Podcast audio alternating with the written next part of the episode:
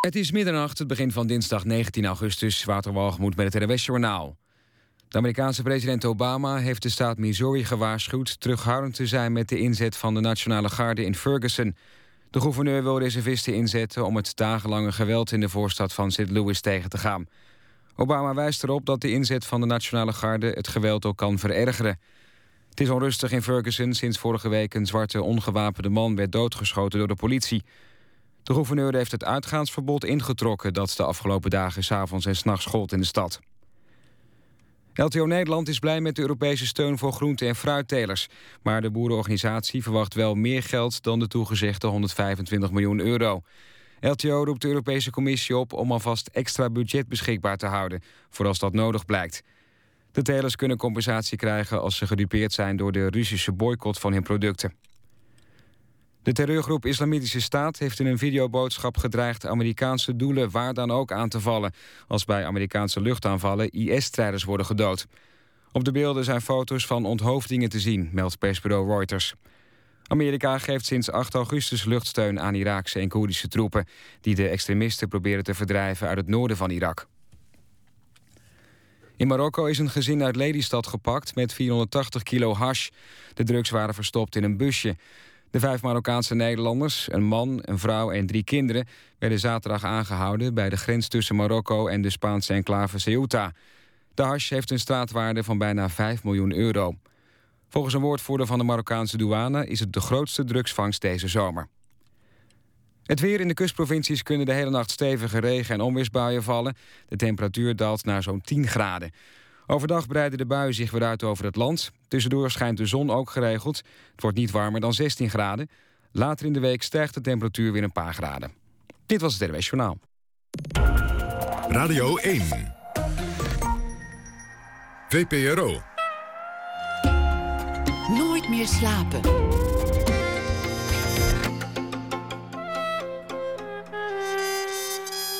Met Pieter van der Wielen. Goedenacht en welkom bij Nooit meer slapen aan het einde van de dag waarop Nederland een van zijn belangrijkste kunstenaars herdacht. Ger van Elk is overleden, werd vandaag bekend. Verslaggever Anton de Goede vertelt wat hem zo bijzonder maakte na één uur. Hoe de dag in het geheugen van Katelijne Schilder terecht zou komen, dat hoort u ook na ene, want zij schrijft deze week elke dag een verhaal op basis van de dag. En zij draagt het ook voor. Maar we beginnen met Never a Dull Moment. De titel van een film die Pim Zwier maakte over het wonderlijke leven van Sam Wagenaar. Morgen gaat die film in première. Een leven dat hem op de stranden van D-Day bij de bevrijding van Parijs, in de werkkamer van Adolf Hitler, maar ook in Auschwitz kort na de bevrijding bracht. Hij beleefde een carrière als zanger in Frankrijk, als acteur in Hollywood, als PR-medewerker in Amsterdam. Hij werkte als correspondent en als buitengewoon succesvol fotograaf van vrouwenportretten. Never a dull moment. Kortom, Pim Swier, hartelijk welkom. Dankjewel. Welkom in onze helverlichte studio. Ik heb, ik heb zojuist het, uh, het, het, verhaal al helemaal verteld, geloof ik, bijna. Nou, dan ga ik weer naar huis. Ja, dankjewel. Zijn we klaar? Nee, er is, veel meer. Hoe is het begonnen? Hoe, hoe, hoe kwam Um, dit op, op uw pad? Het is begonnen met dat ik voor research bij het uh, Fotomuseum was in Rotterdam, Nederlands Fotomuseum. Uh, ik was in gesprek met uh, twee fotocurators daar. En op een gegeven moment, terloops in het gesprek, werd even gezegd: Misschien moet je even naar Sam Wagenaar kijken. Dat is een interessant verhaal. En we gingen gewoon verder met het gesprek. Waar ik mee bezig was. En nog een keer, misschien moet je even naar Sam Wagenaar kijken. Die is echt heel interessant. En op een gegeven moment werd ik wel nieuwsgierig. En toen ben ik naar Sam Wagenaar gaan kijken. Had je ooit van hem gehoord? Ik had nooit van hem gehoord. Nee, daarvoor nog nooit. En hoe kwam het dat zij daar wel van hem hadden gehoord? Um, zijn de, ze hebben een collectie Sam Wagenaar. Uh, zijn nalatenschap ligt grotendeels in, in Rotterdam. Dat heeft hij zelf overgedragen aan het fotomuseum.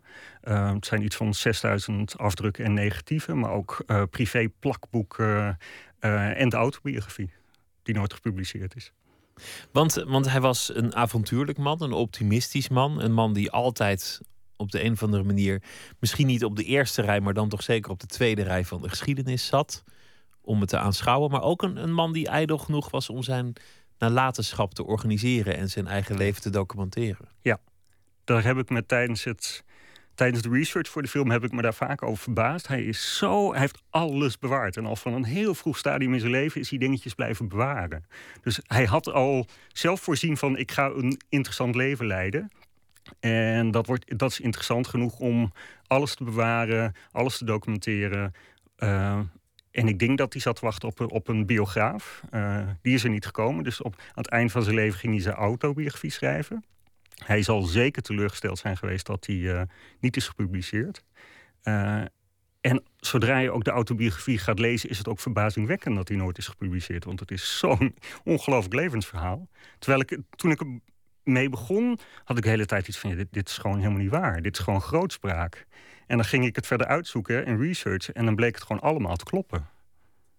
Laten we de, de allereerste stappen um, overslaan en, en, naar een vroege twintig gaan. Sam Wagenaar die is uh, een, een, jonge man. Hij werkt op een kantoor in Amsterdam. En dan eigenlijk door een ja, toevallige middag en door, door een vrij impulsieve actie... komt hij ineens in, in de filmbranche terecht. Hoe is dat gegaan? Um, het ja, dan hebben we het over 1927. Uh, MGM brengt Ben Hur uit in, in Nederland.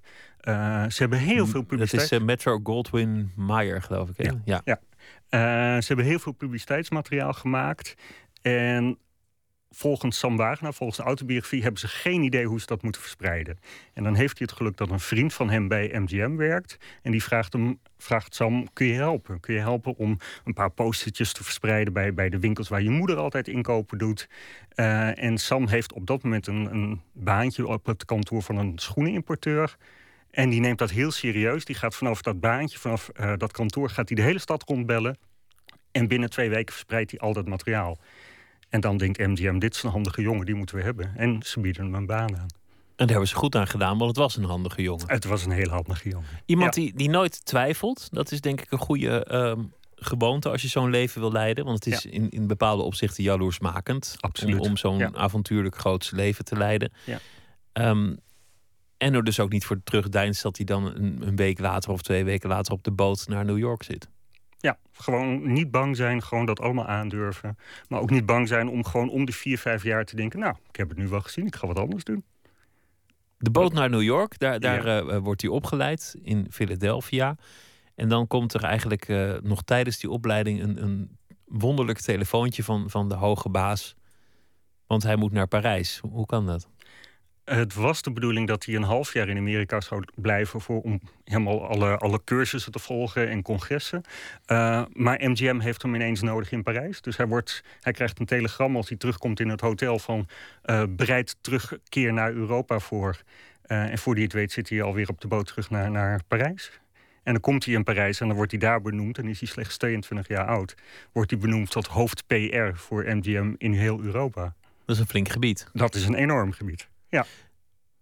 Nu even een zijstap, want het, het moeilijke is als je een documentaire maakt dat je natuurlijk beeld moet hebben. Van, van iedere stap die je vertelt wil je ook iets laten zien. Ja. Dan wel gewoon beelden van Parijs in de jaren 30, dat is nog wel te doen. Maar liefst natuurlijk ook een foto waar hij op staat ja. met een filmster. Hoeveel uur archief is daar wel niet in gaan zitten? Ik heb ze niet geteld, maar veel. Echt heel veel.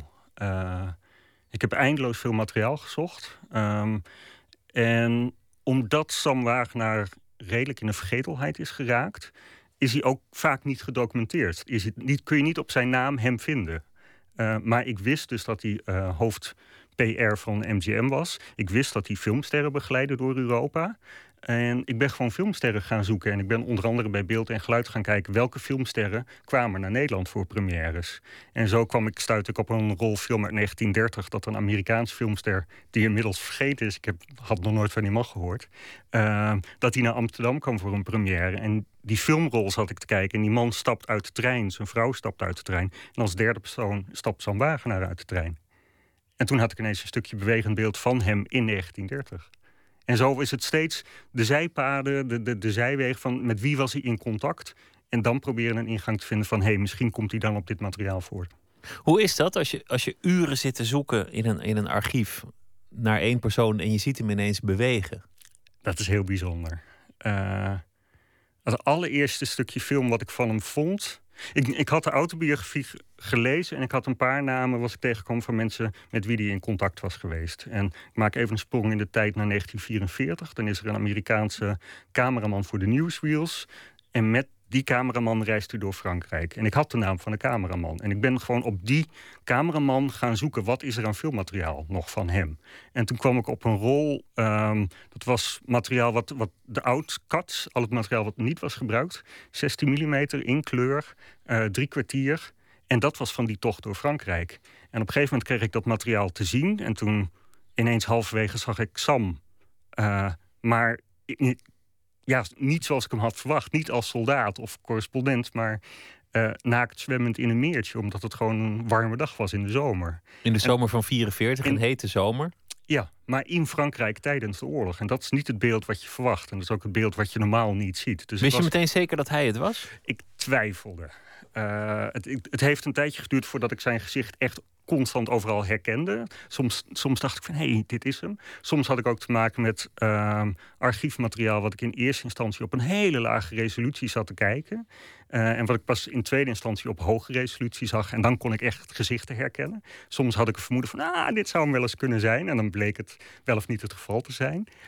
En bij dit shot twijfelde ik en toen heb ik het aan familie hier in Nederland laten zien. Van nou, volgens mij heb ik materiaal van hem gevonden, bewegend materiaal in kleur.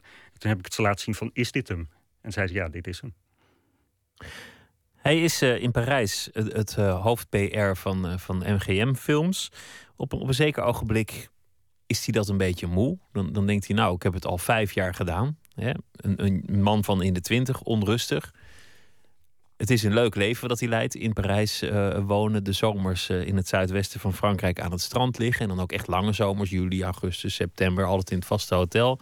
Met vrouwen, met goede wijn, met, uh, met, met veel eten. Mm -hmm. En zo ineens bedenkt hij zich, ik word zanger. Ja. Dat is een onverwachte stap. Ja, dat is een hele onverwachte stap. Maar dat zijn stappen die hij vaak in zijn leven maakt. Dat hij gewoon heel onbevangen gewoon wat anders gaat doen dit heb ik nu wel gezien, dit heb ik een paar jaar gedaan. En hij had een voorliefde voor, voor opera en operette. En hij praat met zijn zanglerares en die stelt hem voor van... nou ja, waarom ga je er niet serieus zingen als je dat zo leuk vindt? In en film, dan durft hij die stap te maken. In de film zie je ook affiches waar die wordt aangekondigd. Uh, concertprogramma's waar ook staat Sam Wagenaar zingt uh, Bizet of wat dan ook. Ja. Heb je ook opnames gevonden waaruit blijkt of hij het wel kon? Of, het, of het mooi was? Nee, weten nee, we niet. Die heb ik, nee, die heb ik niet gevonden. Um, hij noemt wel zijn zanglerares bij naam. En dat was een naam die mij niks... Ja, het zei me gewoon helemaal niks. Madame Gilly. Uh, maar ik ben constant alle namen gaan researchen die ik tegenkwam.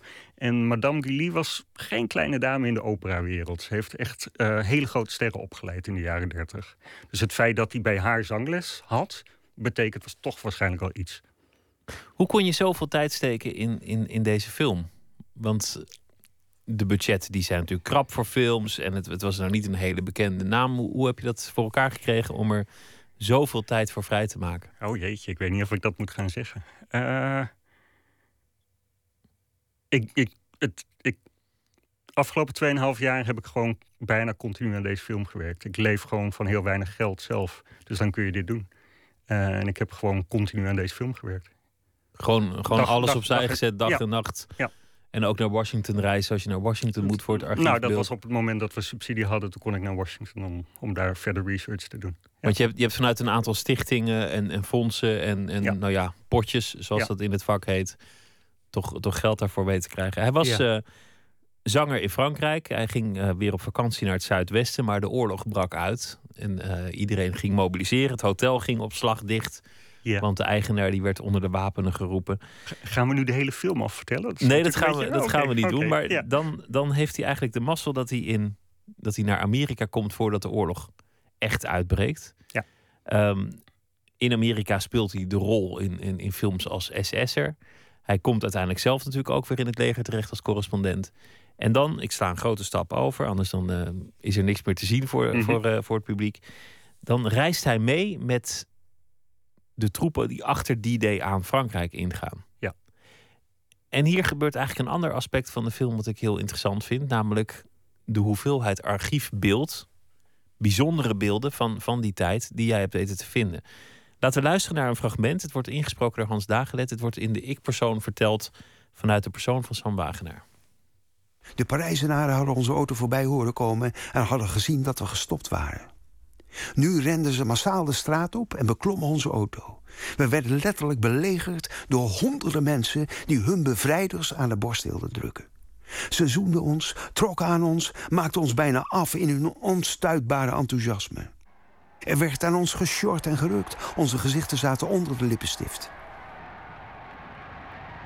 Terwijl we de menigte zachtjes met onze bumper uiteendreven, klampten tientallen mensen zich dapper aan onze auto vast. En zo volgden we de optocht naar het stadhuis. Op de binnenplaats toverde iemand zomaar een paar flessen ijskoude champagne tevoorschijn... die blijkbaar klaar hadden gelegen voor een moment als dit. Die sloegen we dorstig achterover op onze lege maag. Dit is uh, hele bijzondere beelden. Het het is bijna, bijna iets pornografisch als je kijkt naar, naar historische beelden, omdat je zo'n verlangen krijgt om een tijd helemaal tot leven te wekken. Omdat je, dat je elk detail wil zien, om, om het, om, je, je wil, wil het voelen, je wil het aanraken, je wil het verleden betasten. Mhm. En bij deze beelden, die, die, die zijn zo bijzonder van, van het achterland van, van die day, Mhm. is het bijna alsof je het meemaakt. Waar, waar heb je die beelden gevonden? Ik denk wat heel erg helpt ook is dat eh, de vertelling vanuit de ik-persoon is. En dat het een heel persoonlijk verhaal is geworden. En dat is zo'n andere vertaalslag van geschiedenis. Geschiedenis is vaak een opsomming van feiten. En het wordt door deskundigen verteld. Eh, en dan krijg je de grote lijn te horen. En dit is juist een persoon die, die, aan de, ja, die aan de zijkant daar steeds. Soms liep hij erachter achter de feiten aan, soms liep hij erop vooruit, soms was hij bij toeval ergens aanwezig. Maar het, het is veel meer een mensenleven geworden. En dan krijg je een hele ander soort vertelling. Ehm, en om die vertelling te, te benadrukken, ben ik dus heel erg gaan luisteren. Wat zegt hij? Welke informatie staat er in de tekst? En wat zou daar aan beeld bij kunnen passen? Het is heel erg proberen om heel dicht bij dat perspectief van hem te blijven de hele tijd. Maar het zijn bijzondere beelden, want de beelden van die day zelf zijn bekend. Van, van de stranden en, en de, de, de, wagentjes en, en, Ja. de, en de kapotgeschoten bootjes. Ja. Maar het achterland van de soldaten die zich am- amuseren in Normandische dorpen... had ik in ieder geval nog nooit gezien. Nee, ik ook nog niet. Eh, en ik was echt heel erg verrast hoe ongelooflijk veel materiaal er hoofdzakelijk in Amerika ligt, bij de, de National Archives. Eh, de, eerste, de Tweede Wereldoorlog is echt een oorlog waar het Amerikaanse leger zo heeft geïnvesteerd in, in cameramensen. Ze hebben allemaal cameramensen uit Hollywood speciaal opgeleid in divisies. En die hebben ze hop de oorlog ingestuurd van ga dit vastleggen voor ons. Ehm, ze hebben een speciale groep cameramensen. ehm, Special Film Project 186 uit mijn hoofd. Eh, dat waren mensen die kregen, kregen kleurmateriaal. Die hebben de oorlog in kleur vastgelegd. Ze hebben er zo in geïnvesteerd om de oorlog vast te leggen. Er is zo ongelooflijk veel mat- materiaal. En Uit propaganda-overwegingen? Of dachten ze van dit, is- dit is voor later goed? dat weet ik niet met zekerheid. Ik denk wel gewoon propaganda. Ja, ik vermoed propaganda. Maar ze hebben ongelooflijk veel vastgelegd. En ook gewoon heel veel dingen in de marge. En die hebben de, hebben de nieuwsreels nooit gehaald. En die, die zie je niet in de documentaires over de Tweede Wereldoorlog. Sam Wagenaar die, die is erbij als Parijs wordt bevrijd. Hij eh, maakt een, een dramatische rondreis door Europa. Wat helpt is dat het ook een hele goede fotograaf is zelf. Of, of zijn dat toevallig net de foto's die jij geselecteerd hebt? Ehm, hij heeft zich gedurende zijn, zijn leven gestaag ontwikkeld tot fotograaf. Eh, hij had zeker een interesse in, in fotografie. Hij begint al vroeg. Maar het zijn vooral kiekjes. En als je gewoon zijn levensverhaal volgt en daar fotoalbums bij legt en zijn fotografie, eh, zijn meer professionele fotografie, dan zie je daar een ontwikkeling. En soms ontstaan er hele mooie reportages. Dat volwaardige prachtige fotografie is. En dan zijn er ineens weer allemaal kiekjes. En dat, dat verschilt de hele tijd. Eh, en in de film is het een beetje een mengvorm van beide geworden. Ehm, op een gegeven moment kreeg ik allemaal privé-fotoalbums van hem in handen. Eh, en dat zijn alle kiekjes. Eh, en daar zitten soms die reportage-dingen ook tussen. En ik heb één album. ehm, dat zijn allemaal foto's van de bevrijding van, van Parijs. En die heeft hij zelf daar ingeplakt. Maar dat zijn echt volwaardige foto's van, een- van een oorlogscorrespondent. En vrouwen. Hij is een, een goed fotograaf van vrouwen. En Hij is de- een enorm vrouwenliefhebber. ja? Ja. En dat, dat uit zich ook zijn fotografie, maar ook in, in zijn leven. Dat Ja. er- Ja, dat uitzicht in, in, het absoluut in zijn leven. En als hij dus in 1960 wordt gevraagd... Sorry, van... ehm, wil je alsjeblieft eh, de vrouwen van Rome voor ons vast gaan leggen? Dat werd hem door Bruna gevraagd. Ja, nou ja, daar hadden ze de perfecte man voor. Ik bedoel, een succesvol boek geworden ook. Ja, heel succesvol. Uh, het is een fotopocket. Het was voor het eerst dat ze op een kleiner formaat uh, een fotopocket uitbrachten. Nou, je vindt fotopockets nu nog op Marktplaats uh, voor, voor 3, 4 euro. En dat zegt wel iets over de oplage waarin ze destijds zijn gemaakt. En wat, ik heb, ik, wat, een, wat een lumineus idee. De vrouwen van Rome. Het, is te eenvoudig om, uh, ja. om hardop te zeggen bijna. Nou, er was al een, een, boekje gemaakt, De Vrouwen van Parijs. Ik ben even vergeten door welke fotograaf. Dat was gelijk een succes. En toen dacht Bruna van, ah, laten we nog een boekje doen. En dat werd Vrouwen van Rome. En dat was wederom een succes. Die werd ook gelijk in vier talen uitgebracht. Uh, en toen werd er... Het is gewoon een hele serie geworden. Heb je, is, is het gelukt om, om zo'n wagenaar te leren kennen? Je, je hebt al dat materiaal doorgeploegd. Zijn, zijn, uh, zijn memoires, zijn brieven, zijn foto's. Ben je gaan begrijpen hoe die man in elkaar stak? Um, deels. Ik, ik heb hem nooit ontmoet. Uh, nee. En dat, dat, dat is wel bijzonder, om hem gewoon nooit ontmoet te hebben. Uh, maar ik heb hem dan leren kennen door die autobiografie. Um, en de hele tijd krijg je een beeld tenminste bij mij ontstond een beeld van hoe die moet zijn geweest. Maar het is natuurlijk ook het beeld wat hij zelf naar buiten wou brengen. Het is, uh, het is een autobiografie en zo wou hij zich presenteren aan de wereld. Als een avonturier, een, een, een, niet bange man, een optimist. Ja. Een levensgenieter. een levensgenieter. Maar je merkt ook wel dat er af en toe uh, een sprankje twijfel is. Dat, dat hij ook Don, er is een donkere geschiedenis, de familietragedie. Um, Beide ouders in Auschwitz om het leven gekomen. Ja. En ik heb wel een aantal mensen gevraagd die hem wel gekend hebben, familieleden. En daar heb ik af en toe dingen bij gepolst. Van, klopt het? Ik heb deze indruk van hem. Klopt dat? En dat werd meestal wel bevestigd. Het was een man die heel uitbundig was, wat ik heb begrepen. Die als er een feestje was en hij kwam binnen, dan was hij gelijk center of the party. Uh, maar die zich af en toe helemaal even terug kon trekken. En dat deed hij dan vooral met één persoon van de familie. Om gewoon even in alle rust uh, rond 4 mei zijn ouders te herdenken. Laten we gaan luisteren naar uh, muziek van uh, Asha. Dat is een zangeres met Nigeriaanse ouders, geboren in Parijs, maar opgegroeid vlakbij Lagos in Nigeria. Ze luisterde daar naar de soul van D'Angelo, Erika Bedoel en Lauren Hill. En dat heeft haar zelf naar die muziek toe geleid. Haar derde album komt binnenkort uit en dit nummer staat erop EO. Taxis waiting down on the street, so hurry up, I have to go. Looking round, you see other people making faces very cold. Carry me away, far from the circles that never breaks. Hey, hey, hey. Going home, going home. Where this road goes, I already know. Where everybody cares for one another, and they take you as their sister. Ayo, ayo,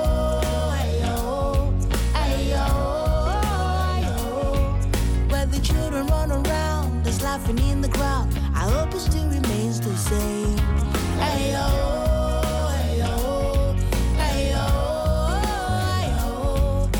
There's something in the song that makes you feel at home, and that's what's calling out my name.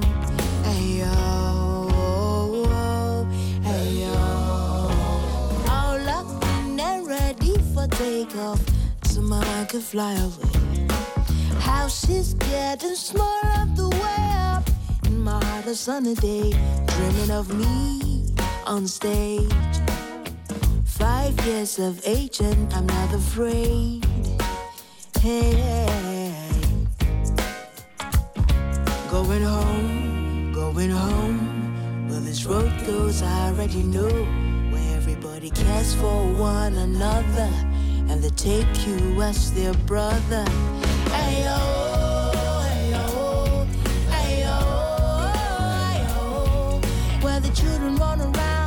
laughing in the crowd. I hope it still remains the same.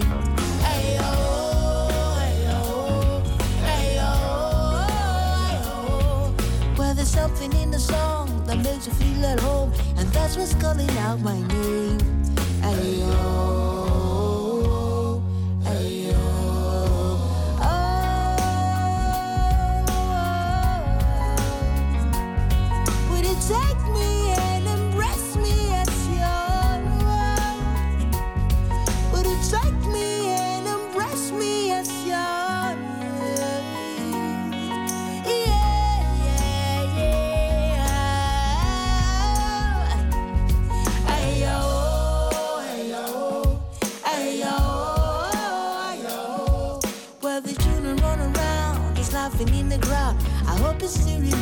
the. Ayo.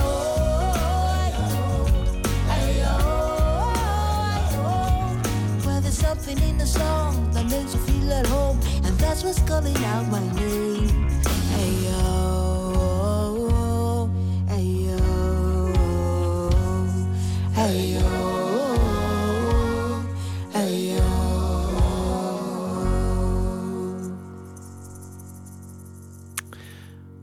Aisha was dat. Ze woont in Parijs, maar afkomstig uit Nigeria. En het nummer heette EO.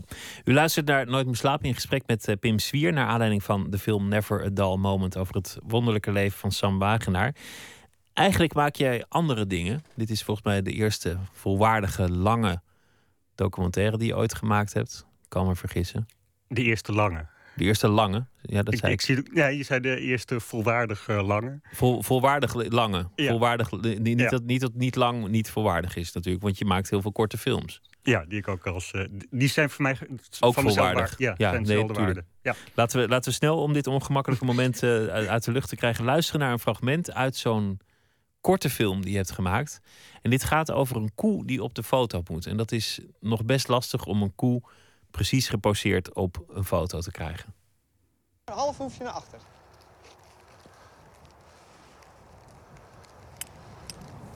Ja, en nou rechts achter een half hoefje naar voren en een beetje naar binnen nog wel, als kan.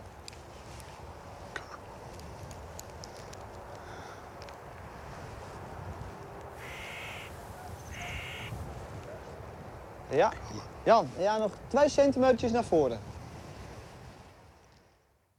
Ja, je ziet, je ziet een koe in een weiland en, en, en een boer die hem precies op de goede hoogte moet krijgen voor de foto. En een half hoefje naar voren en een half hoefje naar achter. Mhm. Hoe ontstaat dat? Hoe, hoe kwam je dat verhaal op het spoor? Ehm, ik kwam het verhaal op het spoor toen ik in, op een avond met een goede vriend van mij, eh, Elmar Kuiper, zat te praten. Ehm, en ergens in het gesprek liet Elmar vallen. Ja, mijn vader was koeienfotograaf. En hij vertelde verder. En, ho, ho, stop. Wat was je vader? Ja, koeienfotograaf. Maar wat betekent dat? En toen is hij het uit gaan leggen wat zijn vader precies deed. En toen kreeg ik een omschrijving terwijl ik dat naar zat te luisteren, dacht ik: dit is een korte film. Dit, dit klinkt als een perfecte, prachtige korte film. En toen dacht ik van, oké, koeienfotografen. Eh, dus toen ben ik gewoon online gaan zoeken naar koeienfotografen. Toen kwam ik er vijf tegen in Nederland. Eh, die alle vijf heb ik, soms stond er een mailadres, soms stond er een telefoonnummer. Die heb ik alle vijf eh, heb ik contact mee gezocht van, nou, ik ben geïnteresseerd in, in, in, in jullie beroep. Eh, mag ik een dagje meelopen? Mag, mag ik kijken hoe het gaat? En vier van de vijf zeiden nee. En één zei ja. En dat bleek bij toeval te zijn, dat was Han Hopman. En die was ooit opgeleid door de vader van Elmar. Dus Elmar, dat was, de, de dichter die, die je had geportretteerd. ja, die ik later heb geportretteerd in, eh, in Oerdak. Eh, ja, het is een hele stomme vraag. Wat doet een koeienfotograaf? Want het zit al in de naam. Die, die fotografeert koeien. Maar waarom? Ja, het is een veefotograaf. Het is niet alleen koeien, maar het is, eh, het is hoofdzakelijk wel koeien. Ehm, het is. Heel veel mensen vergissen zich en die denken dat het om schoonheid gaat. Dat het gaat om een mooi portret van een koe te maken. Maar het is gewoon hele functionele eh, fotografie eh, om ja, sperma van stieren te verkopen. En eh, een boer kan aflezen aan een koe of het een goede melkkoe is. En dat kan je zien aan, aan de spieren onderaan de buik, aan, aan de rug. Dus een koe wordt in een positie gezet dat je aan dat lijf af kan lezen of het een goede melkkoe is of niet. Dus de, de voorpoten moeten iets hoger staan. Ja, je brengt. je, je, je zet de spieren onderaan die buik op spanning. En dat kun je zien in de foto. Dat kan, het kan eh, een boer herkennen. En je kan ook zien wat er met de rug gebeurt. Of dat er een rechte rug blijft. Dus je kan gewoon aan dat lijf aflezen. Dit is waarschijnlijk een goede melkkoe of niet. En dan ben je dus geïnteresseerd om dat rietje sperma te kopen van die stier. Die de vader daarvan is. Nou is het op zich al een, een, een kolderiek verschijnsel om te zien hoe een koe precies in de juiste stand voor een foto wordt gebracht. En hoe iemand wacht op het, op het goede moment. Maar eigenlijk zit de, charme meer in de abstractie van de beelden. Bij, bij vlagen is het nauwelijks een koe die je ziet aanvankelijk. De koe die wordt geborsteld, de koe die Mhm. wordt geschropt. Mhm. Een andere film die je hebt gemaakt gaat over het, het eh, veilen van graafmachines. Een veiling van graafmachines. Wat was daar het verhaal? Ehm, ja, ik denk dat ik uiteindelijk heel veel films te danken heb aan vrienden. Ehm, ik werd gevraagd door een Schotse uh, filmmaker of ik een audiowerk wou maken. En toen was ik op zoek naar een interessant geluid. Ik, ik moest een audio piece maken. En toen was ik aan het denken van ja, wat zijn interessante geluiden daarvoor? En toen was ik in gesprek met een goede vriendin van mij. En haar vader handelt in tweedehands uh, graafmachines, hoofdzakelijk. En hij gaat wel vaak naar een veiling. En dan als hij bij de veiling zit, dan dat is echt zo'n Amerikaans bedrijf die, die al die machines uh, verkoopt. En dan heb je echt zo'n Amerikaanse veilingmeester die helemaal nou, nou, nou, nou, nou, nou, nou, nou, nou, zo al, zijn, al, al dat materiaal uh, aanprijst. En als haar vader daar zit, dan belt hij soms haar even. En dan laat hij haar gewoon even meeluisteren naar dat geluid. Dus toen ik het met haar erover had van ik zoek een mooi geluid, zei ze, ja, die veiling, dat is een mooi geluid. Het is bijna muziek. Hij, het, hij zingt, het is absoluut muziek. Dus hij zingt het ook bijna als de, als de blues. Gewoon, gewoon de prijzen. 3, 300, 350, 375, 400. Ja. Maar hij, hij, hij doet een soort muzikaal iets om het vol te houden.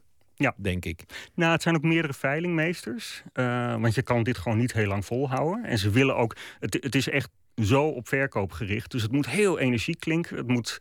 Uh, er mag geen verslapping optreden. En iedere machine moet in principe binnen een minuut worden verkocht. Dat is het streven. Dus ze hebben gewoon Vandaar ook die file die je ziet van graafmachines. Het, die... het, het, is één lange stoet van machines die langskomen rijden over een soort catwalk voor het, voor het kooplustig publiek. En die kunnen dan gaan bieden. Maar hij moet binnen een minuut verkocht worden. En om dat gewoon dat enthousiasme vast te houden, hebben ze gewoon een rijtje veilingmeesters klaarstaan. En om de paar minuten komt er een nieuwe veilingmeester. Nou zei je net over die koe dat iemand dat verhaal vertelde en jij dacht meteen: dit is een korte film. Ja. Nou, wanneer weet je dat? Wanneer weet je dat iets een korte film is? En, en wat zoek je eigenlijk? Um, ik wist het doordat ik naar het verhaal zat te luisteren. En misschien is dat dan gelijk met, met Sam Wagenaar. Uh, ik word geconfronteerd met een verhaal. En dat vul ik al in met beeld. En dan denk ik, dit is interessant. Dit is... Hier... Het gaat toch vooral om het beeld? Ja, ik kom uit de beeldende kunst. Uh, ik heb jaren geschilderd. Totdat ik mijn ideeën niet meer op, op doek kwijt kon. Uh, toen ben ik in de film beland. en de eerste films waren eigenlijk alleen maar heel visueel. Was nauwelijks verhalend. was uh, hele experimentele films. Uh, en ja, ik, ik, beweeg daar een beetje tussen. De, per film uh, wisselt het. Soms hangt het meer naar experimenteel, soms meer naar documentair. Het hangt van het onderwerp af. Maar visueel is heel belangrijk voor mij. Ja, ja we begonnen als beeldend kunstenaar. Op een zeker ogenblik ja, bijna een soort pop-art-achtige dingen gaan maken. En van daaruit doorgegaan naar iets wat je eigenlijk veel meer videokunst zou noemen. Een soort abstractie maken van beeld. Bijvoorbeeld die graafmachine, een, een, een rij van graafmachines. Je weet niet wat ze doen, maar ze zitten veel te dicht op elkaar. En, en de hele tijd dat op een, op een prachtige manier gefilmd, waardoor dat een soort ritme krijgt met die muziek van de veilingmeester. En als mhm. kijker heb je geen idee wat er aan de hand is, maar op een mhm. zeker ogenblik valt het bij elkaar en blijkt, blijkt het toch iets aards te zijn. Maar je denkt, je denkt dat je naar een soort abstract graafmachineballet kijkt of zoiets. Ja. En met, met die koe hetzelfde. Je ziet een koe die helemaal gepoetst wordt. Eerst heb je niet door dat het een koe is. En dan pas na een hele tijd heb je door... oh, hij moet gewoon op de foto. Mhm. En dan valt het, wordt het weer aards. Ja, van Bitcatcher, de veilingfilm, wil ik er even bij zeggen... dat ik hem samen heb gemaakt met Mark Smit. Zijn co-regieschap. Dus ik wil niet alle eer hier op mij nemen. Uh, hebben we samen gedaan. En bij Jolanda, uh, bij de koeienfilm... heb ik heel erg had ik voor ogen om het perspectief van de fotograaf aan te houden. Aan het begin van de film is hij heel erg gericht op de huid van de koe. De koe wordt. Uh, ze, ze, gaan de koe scheren, ze gaan hem wassen. En dan ben je dus heel erg gericht op een detail. Je bent niet met de volledige koe bezig, maar je gaat gewoon heel stapsgewijs die hele koe af. Hier scheren, daar scheren. Je gaat de staart kammen. Dus dat, dat, ik heb zijn blik gevolgd en heel erg, of mijn interpretatie van zijn blik, heel erg op die details. En langzaam neemt hij zelf meer en meer afstand. En dat, dat proces heb ik gevolgd. En daarmee onthul je heel langzaam wat er feitelijk gebeurt in die film. Maar het is heel erg zijn stappen heb ik aangehouden. En daardoor begint het abstract vanuit de kijker bezien en wordt het geleidelijk aan concreet. Ja. Nou heb je dit zelf gedraaid en in een andere film uh, gebruik je historisch materiaal van, van slachters. Dan, dan zie je steeds uh, beesten aan de lijn en dan, en dan steeds andere beesten door elkaar. En dan op een gegeven moment zie je ook uh, zo'n beest liggen en, en dan die, die, de slager onder, onder het bloed. Dan heb je het beeld niet zelf gedraaid. Wat is dan het moment dat je ontdekt dat daar toch zo'n patroon in zit? Ehm, de keuze. De keuze eh, van, van de veelheid van, van veelvoud van beelden. Eh, het is een korte fotofilm, het zijn alleen maar foto's, eh, die film. Eh, alles was irgendwie nutst. Ehm, Alles, alles moet nut hebben. ja, ik had, eh, ik had al eerder een project gedaan met een universiteit in Duitsland, in Halle. Ehm, en op een avond was er een presentatie van die film en de, de eh, video-installatie die ik had gemaakt in Halle. En aan het eind van de avond zei het hoofd van de collecties van... heb ik je wel eens verteld over onze fotocollectie? Nee, daar heb je me nog nooit over verteld. Nou, ik zal je wat laten zien. En toen liet hij mij een paar foto's zien en die vond ik gelijk zo spannend... En dat ik zei, hoe, maar hoeveel heb je er? Het zei, ja, we hebben er 10.000. We hebben 10.000 glasnegatieven. En we hebben er een pakweg 6.000 gescand. Eh, en als je wilt kun je die morgen komen bekijken. Dus toen ben ik de dag daarna teruggegaan. En toen ben ik 6.000 foto's gaan kijken. Eh, en er zijn er heel veel beelden die me aanspraken. Sommige wa- waren minder spannend. Eh, het, is heel erg een, het is heel erg een gevoelskwestie. Wat, wat, wat, wat doet mij iets? Eh, en wat kan ik daar dan mee?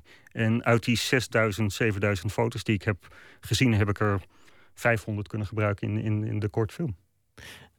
Ik keek uiteraard naar de, de, de film die je hebt gemaakt over Sam Wagenaar als een documentaire over een boeiend leven. Met, met heel boeiend eh, archiefmateriaal. Maar ik was natuurlijk ook op zoek naar de Pim Swier momenten dat, dat, het, dat het videokunst werd. Of, of dat het abstract werd. Of misschien wel popart. Zijn die momenten er te vinden? Shots in je film waarvan je denkt, ja, dit, dit is Ja, misschien, echt, echt wat ik... ik ben benieuwd of jij die vraag kan beantwoorden. Of jij, of jij ze gevonden hebt. Ja, ik heb ze gevonden, maar ik weet niet of, of dat was omdat ik er dan heel erg op let ineens. Of, of dat het er ook daadwerkelijk in zat. Want je maakt me heel nieuwsgierig welke momenten je hebt gevonden. Nou, ik vond eh, bijvoorbeeld een moment van een, een trein die door Parijs slingert. Dat had een, had een, een soort ritmisch doorgaand. En een- omdat het een trein is en ook in bepaald opzicht daardoor abstract werd. Mhm. Dan vraag ik me af of, of dat er bewust in is gelegd als, als, een, als, als zo'n moment van videokunst, van, van abstractie. Of is het gewoon mooi archiefmateriaal en zie je het ineens overal in? Ehm, nee, het is niet zo heel bewust zo erin gelegd. Eh, het, was, het zijn allemaal beelden eh, waarbij ik dus heel erg dat perspectief van, van wat, wat Sam Wagenaar gezien zou kunnen hebben daar. Of situaties die hij omschreef. En daar heb ik materiaal bij gezocht. Maar het is wel heel erg materiaal wat mij ongelooflijk fascineerde en boeide. Eh, maar het is natuurlijk een heel ander proces geweest als eh, films die ik zelf heb gedraaid. Want dan heb, je in de, dan heb je volledig in de hand wat er in beeld komt. En dan kan ik zelf zeggen, en zo wil ik het kader hebben. En bij archiefmateriaal kun je, heb je dat niet. En ik wou ook wel zoveel respect opbrengen voor ehm, fotografen en voor cameramensen die destijds materiaal hebben eh, geschoten, dat ik niet in wou zoomen. Ik zie heel. Dat kan je doen. Hè? Je kunt achteraf inzoomen waar de cameraman het oorspronkelijk niet Ja. gedaan heeft. En dat is ook iets wat heel vaak gebeurt in documentaires over fotografen. Dan ga je inzoomen en dan ga je bewegen over een foto. En dan denk ik, ja, maar zo is het nooit bedoeld. Een fotograaf heeft heel bewust een kader gekozen en dat moet je respecteren. Heel veel uren in het archief gezeten en ook heel veel beeld dus niet kunnen gebruiken. Ik, eh, ik neem aan dat je inmiddels zoveel lievelingetjes om het leven hebt ge- eh, laten komen. Dat, dat er een nieuwe film zou kunnen worden gemaakt met, met heel veel overgeschoten archiefmateriaal. Ja, dat kan. En gaat het gebeuren? Eh, ik ben wat testjes aan het doen. Ik ben dingen aan het uitproberen. Eh, en er zijn ook heel veel beelden die heel veel indruk op mij hebben gemaakt. Beelden die echt, echt op mijn netvlies zijn gebrand. Die, die echt heel indrukwekkend waren. Maar die niet pasten in het verhaal van, van, van Sam Wagenaar. Ehm, hij beschrijft, en zo zal hij het ervaren hebben... maar hij beschrijft heel erg de ellende in Berlijn, 45, 46. En hij zegt, er werd niet gelachen. En misschien heeft hij heel, ook niet een lach gezien in Berlijn. Maar ik heb veel materiaal gezien inmiddels waar wel wordt gelachen in Berlijn. Maar het rare is, de hele stad ligt in puin. En dan is het heel raar om daar iemand te zien die heel gelukkig is. En dat Of, zijn- of heel vrolijk. of is, heel vrolijk. En dat, dat is dat- toch een verschil natuurlijk. nou, er, wordt, er, wordt, ja, er zijn wel mensen die, die echt gelukkig zijn. En ik heb ook wel filmbeelden gezien van uh, een pas getrouwd echtpaar die vrolijk de kerk uitlopen, maar de kerk ligt wel volledig in puin achter ze. Het leven gaat door. Ik, ik het leven gaat door, maar dat zijn hele. Als je, als je er nu op terugkijkt, kun je dat bijna niet voorstellen dat je dat doet. Maar je kan ook gewoon niet anders. Maar het zijn wel beelden die heel indrukwekkend zijn. Dus daar zou ik heel graag mee willen werken. Ja. Nou ja, die oorlog was nauwelijks voorbij of iedereen ging ook kinderen maken. Dat werd een hele babyboom zelfs. Achteraf ook een vrij rare gedachte. Dat je na zo'n oorlog... Gelijk weer kinderen op de wereld wil zetten. Ja, dat je denkt, wat een mooie wereld, hier ga kinderen ja. in maken. Ja. Verbazingwekkend. Laten we luisteren naar uh, muziek uit Wales van uh, Grant Nicholas, zanger van de rockband Feeder. Die groep bestaat niet meer, maar hij heeft een soloalbum uit Yorktown Heights. Het nummer dat wij draaien heet Soulmates.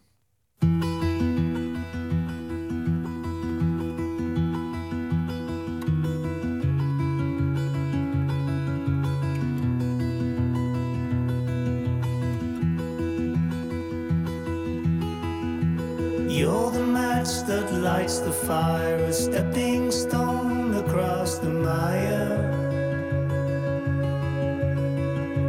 Soulmates to the end, you're the voice inside of me, bringing joy and harmony. Soulmates to the end, let's pack our bags so we can sail away, sail away the city for the sea. The ocean's calling me when we go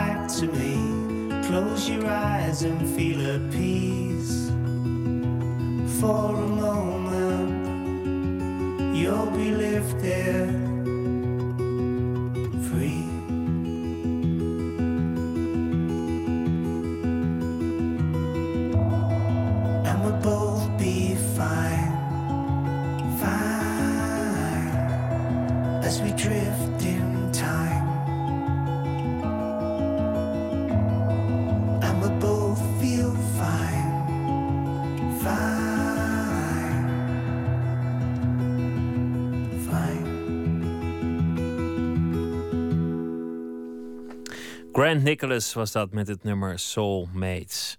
Pim Zwier zit hier, eh, filmmaker en eh, kunstenaar. En hij heeft een eh, film gemaakt over het leven van Sam Wagenaar.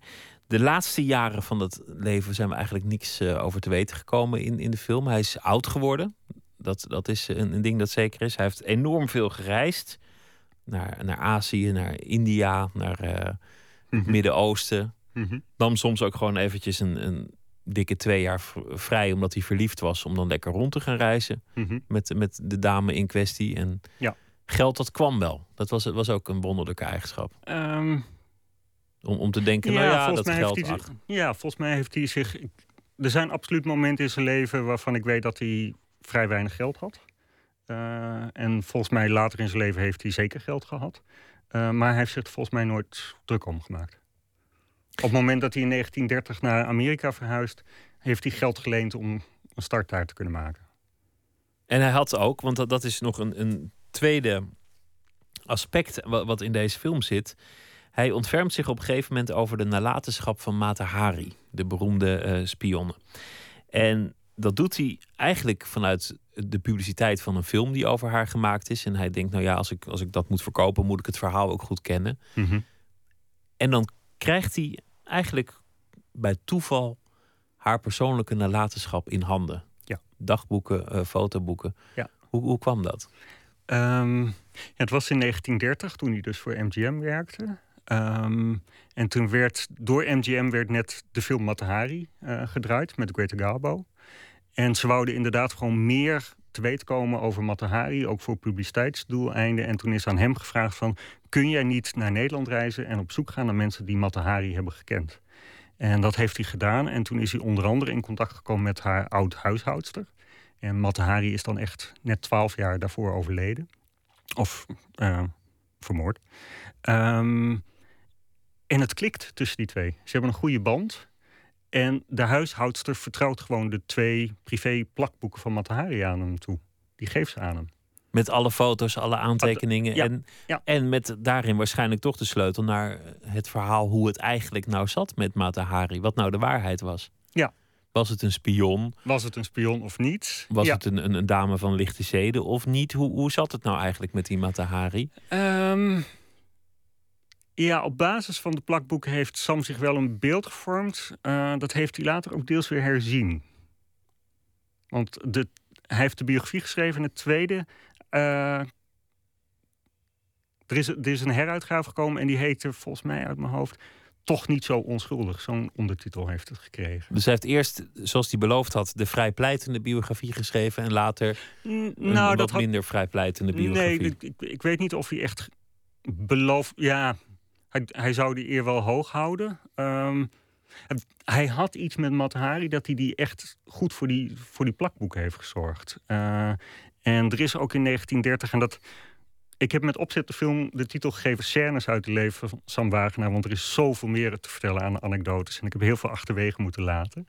Ehm, er is in 1930, als die film is gemaakt en dat materiaal is gebruikt, is er sprake van dat MGM die plakboeken opeist. Die zijn van hun. Hij werkte voor hun. Het is, voor die film eh, heeft hij dat gekregen en dat weigert hij. En dan gaat hij ook, neemt hij ook gewoon ontslag. Ze van nee, ik heb, ze, ik heb gekregen, ik moet de zorg verdragen. En dan eh, stopt hij ze in een bankluis en dan neemt hij ontslag. Eh, en vervolgens krijgt hij een tijd later wel weer opnieuw een baan aangeboden. Maar hij, hij, heeft echt heel goed voor die plakboeken gezorgd. En op het moment dat hij in, negen, eh, in 44 ook naar Europa komt met het Amerikaanse leger, zorgt hij wel dat die plakboeken gewoon ook weer in een kluis in Amerika veilig liggen. En waar zijn die plakboeken nu? Eh, die liggen nu in het Fries Museum. In het Fries Museum? Ja. Daar is- de- de- hoe zijn ze daar is- terechtgekomen? Ja, Mata Hari was Fries van oorsprong ja, ja, natuurlijk. geboren in Leeuwarden. Eh, Sam heeft ze geschonken aan het Fries Museum. Heb jij ze daar ook zelf ingekeken in, in eh, het Fries Museum als Fries? Ik heb ze niet fysiek ingekeken. Ik heb niet de plakboeken in handen gehad. Ik heb, ze liggen wel in een vitrine, dus zo heb ik ze wel gezien. Eh, maar alle pagina's van de plakboeken zijn gescand. En op een gegeven moment heb ik wel eh, heb ik het digitaal in handen, ge- he- mocht ik het inzien. Dus toen kon ik zelf wel gewoon door, daardoor heen bladeren. En als je naar het Fries Museum gaat, dan heb je ook als bezoeker die mogelijkheid om gewoon zo digitaal door de plakboeken te bladeren. Maar ze hebben het ook online staan en ik heb een linkje gekregen dat ik het wel kon zien. En dat ik een keuze kon maken uit een aantal pagina's die ik wou gebruiken in mijn film. Ik ben het altijd wonderlijk blijven vinden dat, dat eens zo'n vrouw, die, die toch niet een enorme rol speelde in, in die gigantische oorlog, zo legendarisch heeft kunnen worden. Dat het verhaal Mata Hari Het is gewoon over de hele wereld bekend is Het is geraakt. gewoon een heel spannend verhaal. En er worden vooral hele spannende verhalen gezocht. En he- heel veel andere verhalen blijven gewoon achterwege. Die, die krijg je nooit te horen. Is dat een idee voor de volgende film of, of is het te uitgemolken alweer? Mata? Hari. Ja. Ehm, Of ben je toch niet zoveel bijzonders? Nee, het is gekomen? zeker heel bijzonder. Ehm, ik heb er wel even aan gedacht. zal ik je eerlijk bekennen. Op het moment dat ik dus zelf die plakboeken zo helemaal stuk voor stuk door kon bladeren, op hele hoge resolutie kon ik inzoomen op de kleinste details. Heb ik er wel aan getwijfeld. Uh, maar ik heb het nog niet serieus opgepakt. En ik weet niet of dat er ooit van gaat komen.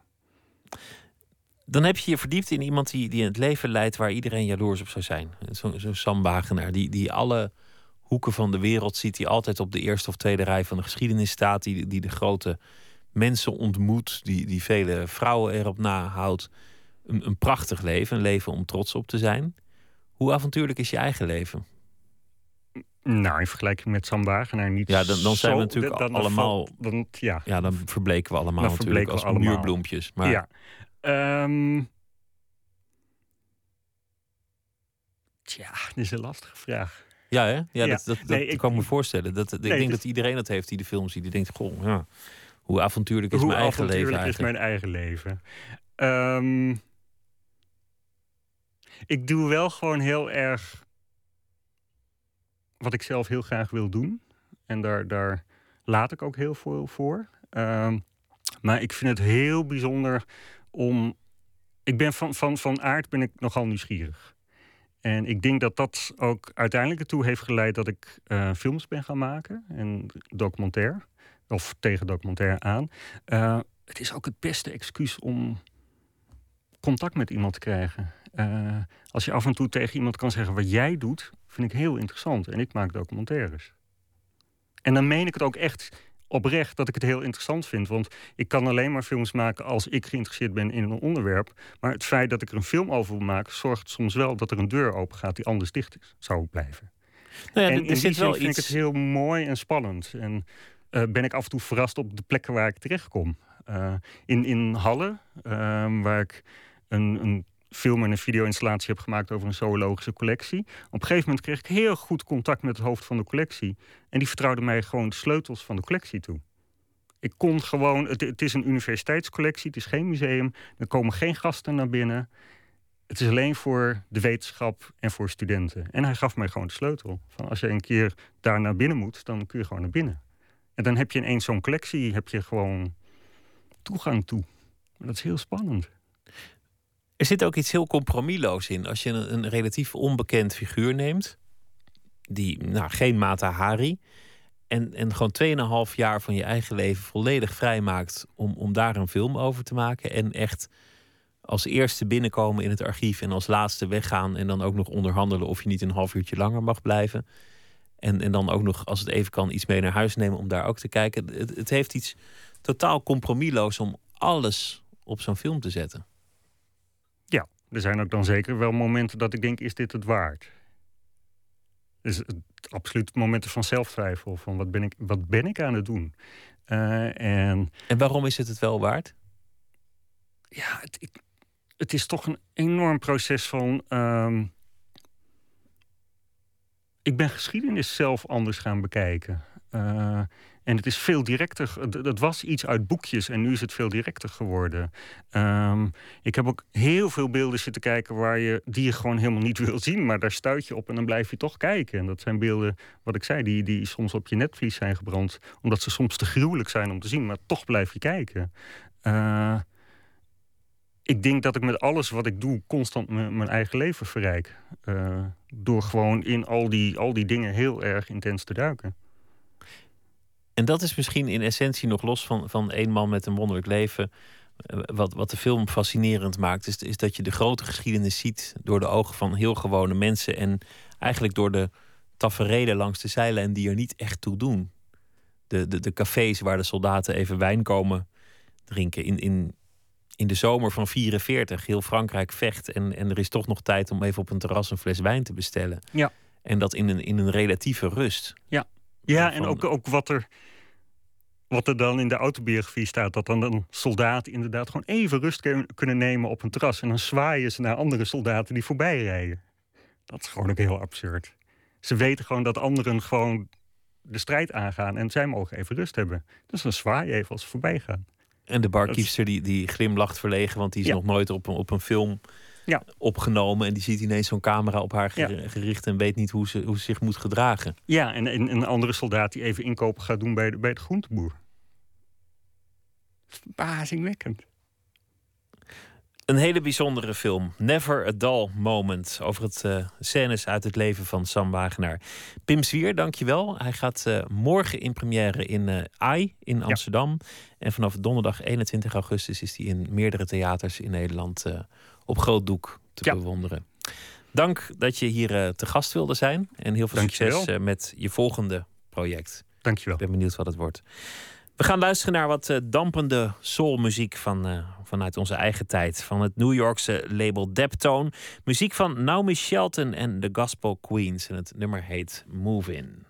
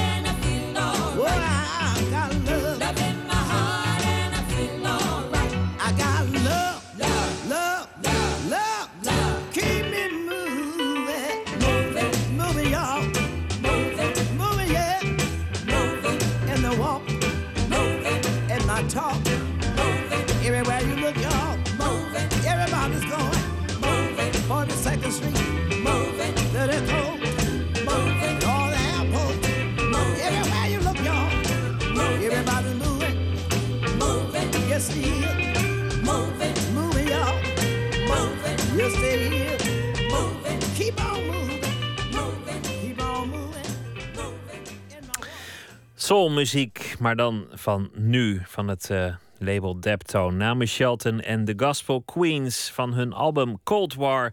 Het nummer heette Move In. Nooit meer slapen gaat uh, zometeen verder op Radio 1. U kunt uh, ons bereiken via Twitter, VPRO-NMS, aan elkaar. Of via de mail nooitmeerslapen.vpro.nl. Straks krijgt u een verhaal van Katelijne Schilder. Zij is uh, schrijver, auteur van korte verhalen en van twee romans. En zij schrijft deze week elke dag een verhaal voor ons. Op basis van iets dat die dag is gebeurd. En het keerpunt in het leven van kunstenaar en tekenaar Frank van den Broek. Wat besloot hem om te gaan tekenen voortaan voor de kost. En we kijken terug op het leven van Ger van Elk. Vandaag werd bekend dat deze kunstenaar overleden is. En onze nachtcorrespondent Anton de Goede die uh, legt uit waarom het zo'n bijzondere man is.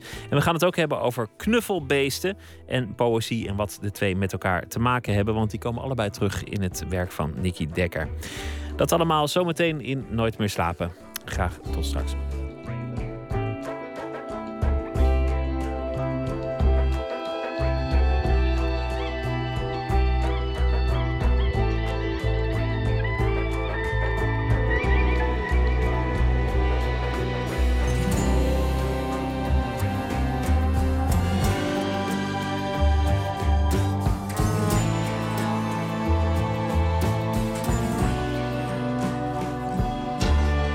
Radio 1. Het nieuws van alle kanten.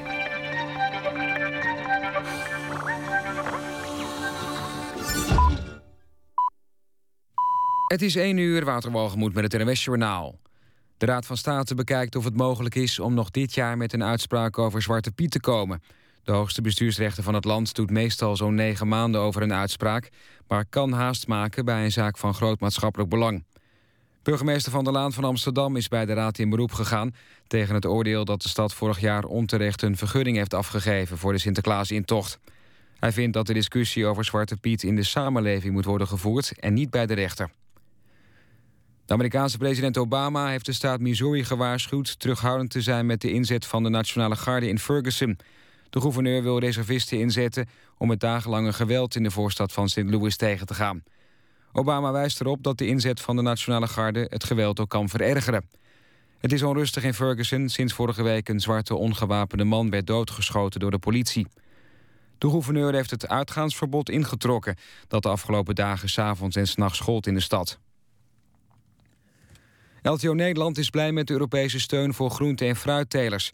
Maar de boerenorganisatie verwacht wel meer geld dan de toegezegde 125 miljoen euro. LTO roept de Europese Commissie op om alvast extra budget beschikbaar te houden, voor als dat nodig blijkt. De telers kunnen compensatie krijgen als ze gedupeerd zijn door de Russische boycott van hun producten. In Cairo zijn Israëlische en Palestijnse onderhandelaars het eens geworden over een verlenging van het staakt het vuren in Gaza. Twee uur geleden zou het bestand aflopen. De twee partijen hebben nu officieel bevestigd dat het bestand met zeker 24 uur is verlengd. Het weer nog in de kustprovincies kunnen de hele nacht stevige regen- en onweersbuien vallen. De temperatuur daalt naar zo'n 10 graden. Overdag breiden de buien zich weer uit over het land, maar tussendoor schijnt de zon ook geregeld. Het wordt niet warmer dan 16 graden.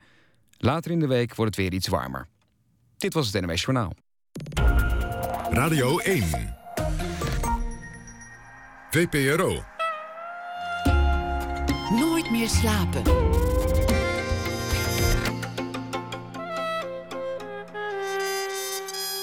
Met Pieter van der Wielen. Katelijne Schilder is schrijfdocent en auteur van korte verhalen en van romans. De Eén Ding en Eerst een Huis. En deze week vragen wij haar elke dag om een verhaal voor ons te schrijven. op basis van iets dat zich die dag heeft voorgedaan in de wereld of in haar leven. En dat uh, s'nachts voor te dragen. Katelijne Schilder, goeienacht. Dag Pieter. Vertel, wat, uh, wat was het voor dag? Nou, mijn dag begon eigenlijk nog met de gedachte aan de zomergasten van gisteren. Of eergisteren is dat dan eigenlijk, met uh, Jonica Smeets. Van de wiskundemeisjes. Ja, en de onderzoeksjournalist. En uh, zij had het over nou, het vak wiskunde onder andere... en uh, waarom zo weinig meisjes wiskunde gaan studeren. En toen ging ik automatisch nadenken over mijn eigen wiskundecarrière... of het gebrek daaraan. En hoe dat dan toch komt. En... En ik dacht, vandaag is ook de, voor, in ieder geval voor het noorden van Nederland de eerste schooldag. Ja, dat is waar, ja. Begint weer. de wiskundeleraar drong zich op. De wiskundeleraar. Dat is Ja. altijd een, eh, een wonderlijk fenomeen. Ik heb meteen een plaatje bij een wiskundeleraar. Ja, al goed zo. Met zo'n grote eh, leren tas. Ja, een beetje, beetje, beetje, beetje zweet en, eh, en tabak. Ho- Hoort er bij mij ook bij, in elk geval. En, eh, en gekke namen ook wel. Ik had een eh, wiskundeleraar die had altijd een fles jenever in, in de kast achter het eh, bord staan. En, en naarmate de dag vorderde ging die fles jenever weg. Oh. Leeg. En, maar de man was zo briljant dat hij het niet kon uitleggen. Want, want hij Ah. deed alles uit zijn hoofd. En dan zei hij, ja, dat is eh, 163 eh, tot, tot de 18e. Ja, dat is natuurlijk dit. Snap je ook wel. Goed, en is ik het bij ben... jou goed afgelopen dan met de wiskunde? Nee, ja, afgelopen, maar eh, niet, Ja, oké. nee, niet gecontinueerd. Nee, ja, nee, bij mij ook niet. Vertel, Nee. eh, je verhaal. Ik ben Zal benieuwd. Graag. Zodra Van de Kerkhof de werkkamer van de gloednieuwe adjunct-directeur binnenliep, begon hij over zijn lievelingsfilms. Het nieuwe schooljaar stond op het punt te beginnen. De sectie wiskunde lag al een aantal jaar onder de loep, maar de zwakke schakels in het docententeam waren afgelopen jaar één voor één opgestapt. Altijd meteen over je passie beginnen, dacht Van de Kerkhof. En hij vertelde over zijn collectie dvd's met bovenop de stapel Dead Poet Society en A Beautiful Mind. Films over bevlogen mannen die voor hun vak gingen, net als hij. Hij citeerde vaak uit die films in de les. Oh captain, my captain, riep hij dan.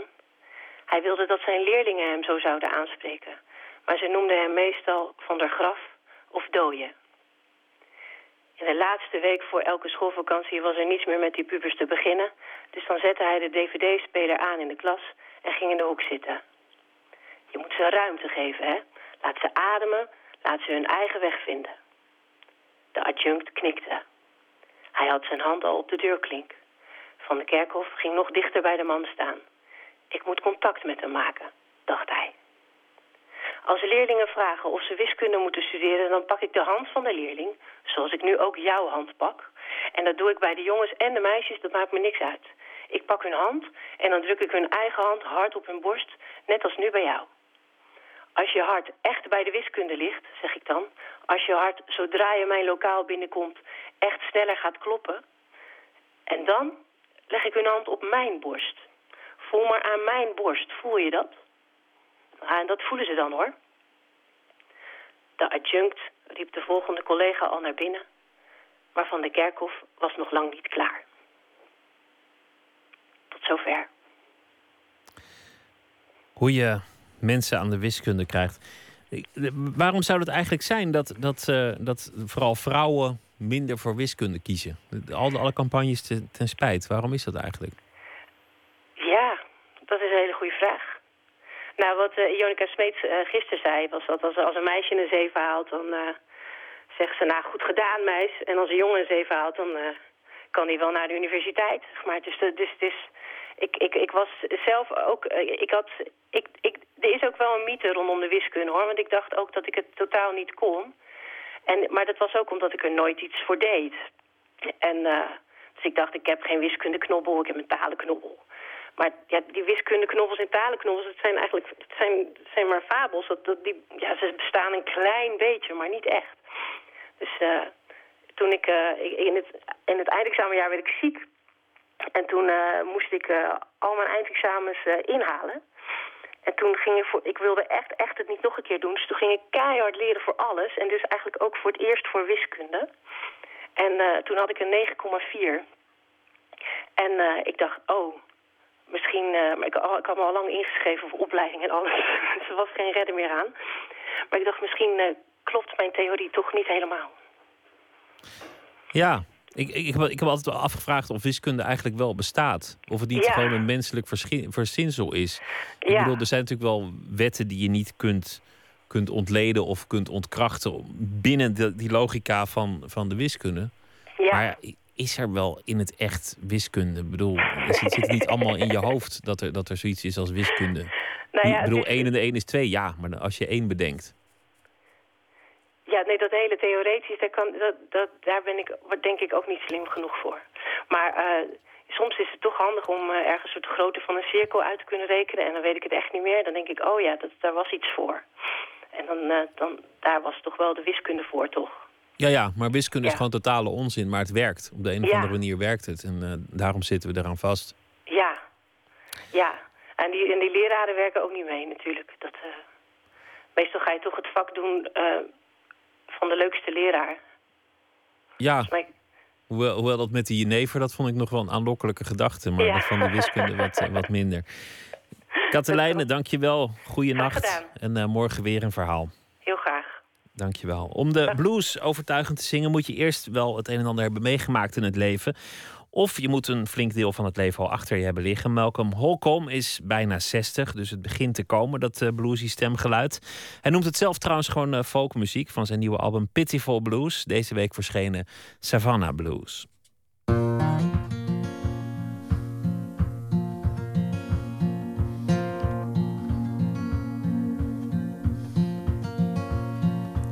Cool down in Savannah, like the last time I know.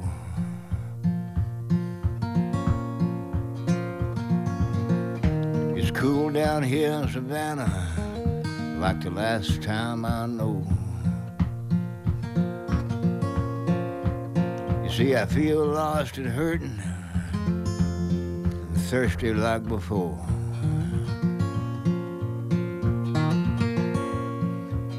People don't see me when I look 'em in the eye.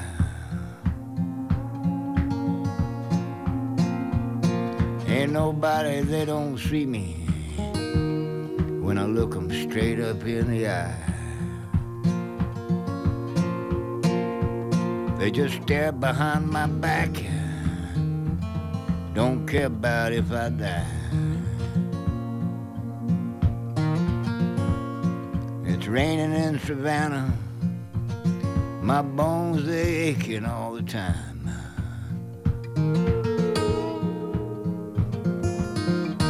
It's raining down here in Savannah, and my poor bones, Lord, aching all the time.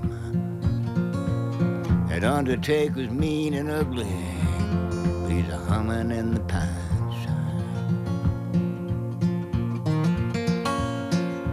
Crazy way of dying,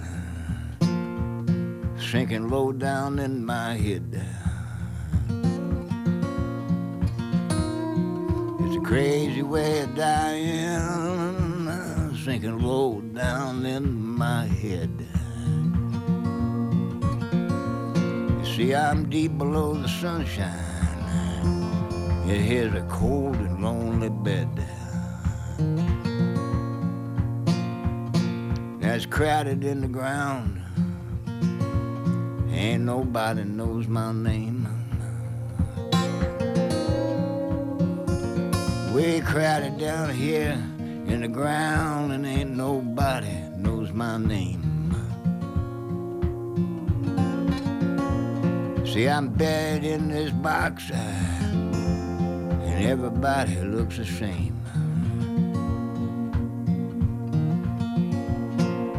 Yellow fever's awful bad. and I ain't got no money for a.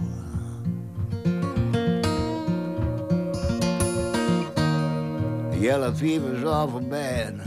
I ain't got no money for a bill. You see, I'm buried here alive, and ain't nobody gonna tell. Savannah Blues van, de album, van het album Pitiful Blues van de Amerikaanse zanger-gitarist Malcolm Holcomb. Nooit meer slapen.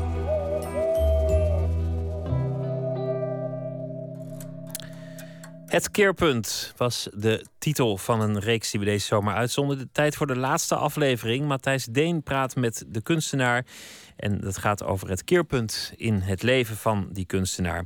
Deze week Frank van den Broek. Hij eh, is tekenaar. Zijn tekeningen zijn nu te zien in het Stedelijk Museum in Amsterdam. Als onderdeel van de tijdelijke tentoonstelling Bad Thoughts. Opgebouwd uit de verzameling van Martijn en Jeannette Sanders. De tekeningen in het stedelijk heeft hij gemaakt vroeg in de jaren tachtig, vlak na de periode waarvan hij achteraf denkt dat het het keerpunt in zijn leven was. Dit is een verhaal over woede. Tekenaar Frank van den Broek die eind jaren 70 stampvoetend stond te werken in een flat in de Bijlmer.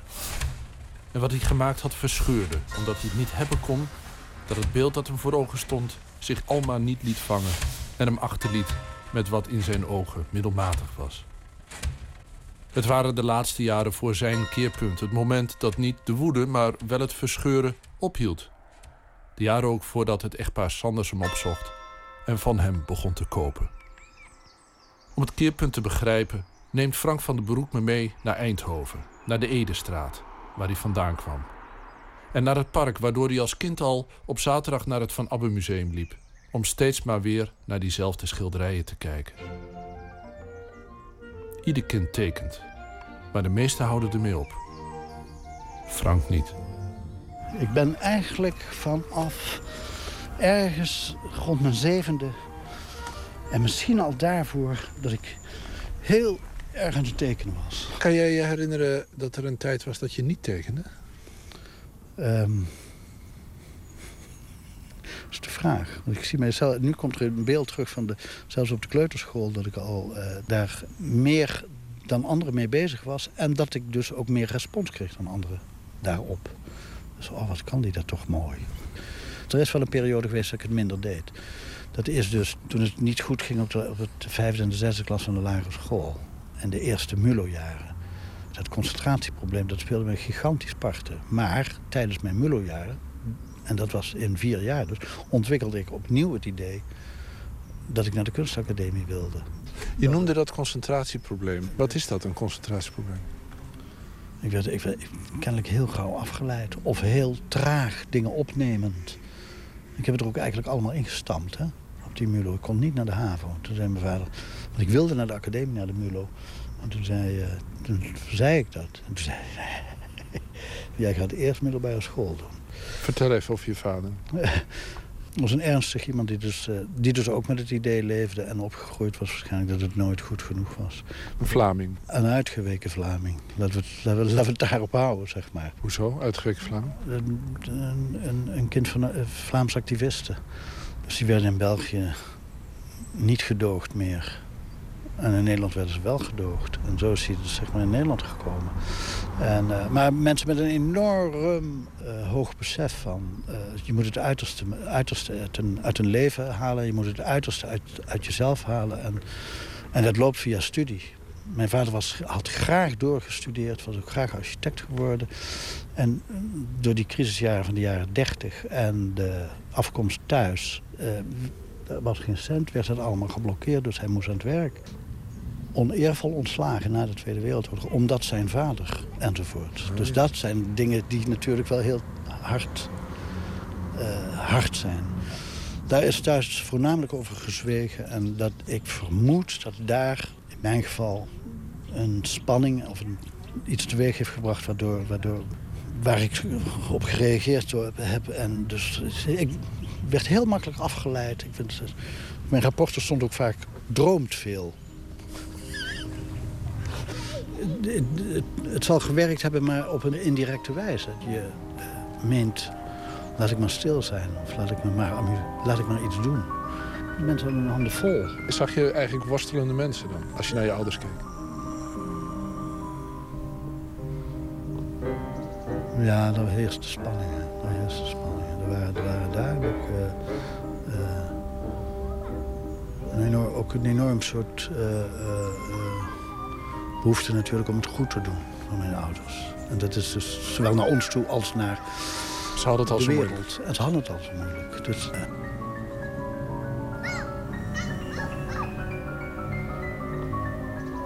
En ik denk dat dat tekenen daarom ook een fijne uitlaatklep was. Want daar was je goed in. Daar kreeg ik in ieder geval de complimenten van.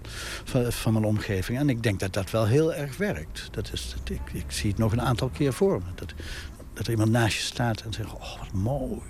Dat is al heel vroeg. Dat is al heel vroeg.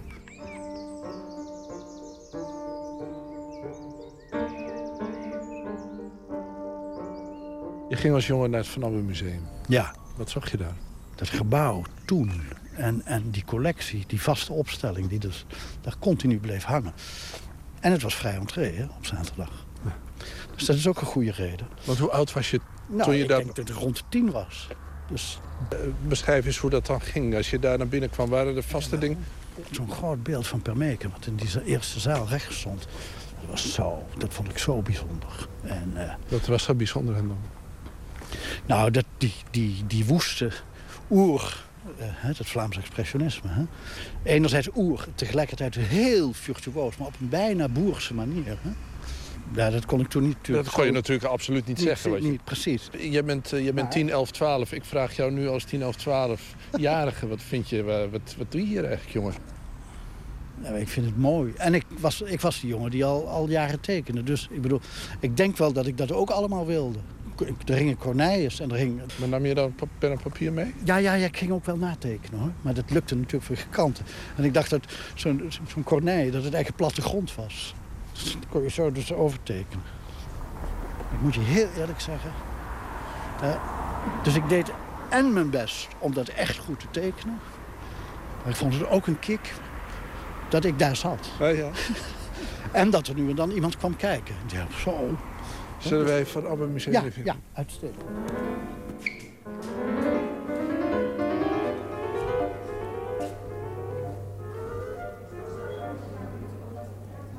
Die zag je als eerste, die Chagall. Bij binnenkomst. Die hing centraal, helemaal in de achterste ruimte. En dan die Robert Delaunay, die hing in dezelfde zaal daar rechts van. En daar vlakbij hingen deze Picasso's ook. Hoe bezie je ze nu? Als oude vrienden? Als...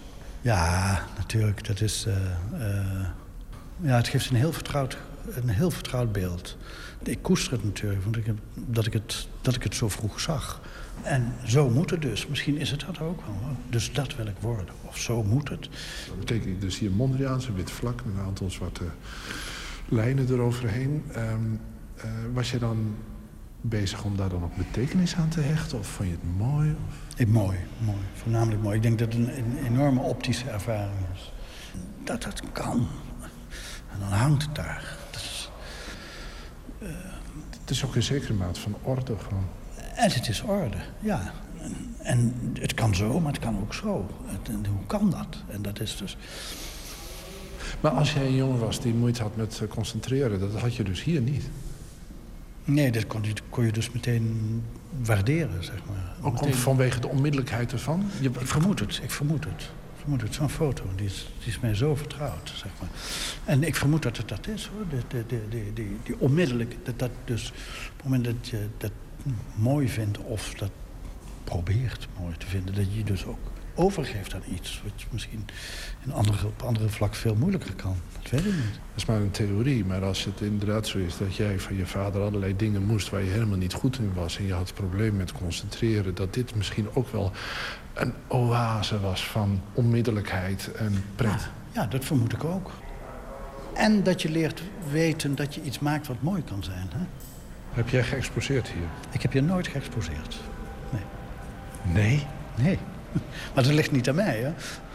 Nou, als meneer Van den Broek goed genoeg is voor het stedelijk, zal het toch ook wel goed genoeg zijn voor het Van Amme Museum. Ja, alleen moet u de vraag niet aan mij stellen. Die moet aan, Nee, maar aan ik kan me wel- hier gesteld worden. Ja, nee, dat is... ik, vind het, ik vind het helemaal geen. Ik vind het Ja. wel aardig. Want als je hier zou hangen, zou de, zou de cirkel rond zijn, toch?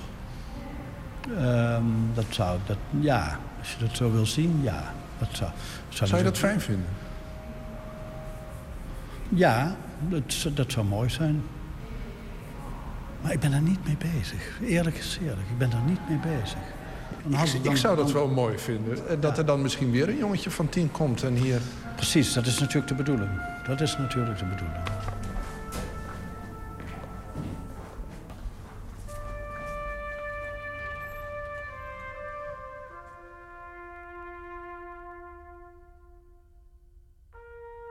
Kan je de dag herinneren dat, dat je begon te vernietigen? Nee, dat is geleidelijk aan te gaan. Ik heb altijd wel... Ik ben ook een driftkikker, hè. Dus eh, als iets dan niet... Dat, dat had ik zelfs als kind al. Ram, weg ermee. Als een ontploffing. Dat we tafel flikkeren en kapot scheuren enzovoort. Dus dat, dat heeft er altijd wel in gezeten. Dus dat is niet eh, op een dag bepaalbaar, eh, zeg maar. Ik wilde, ik wilde dus ook iets wat waarschijnlijk niet haalbaar was. Ik werd natuurlijk wanhopiger en wanhopiger. En toen, toen stopte ik. Toen dacht ik, en toch is dit onzin. Ik heb, in die tekeningen die nu weg zijn, zitten een heleboel goede dingen. Dat moet, dat kan niet anders. Want ik, was, ik heb ooit ook dat en dat gedaan.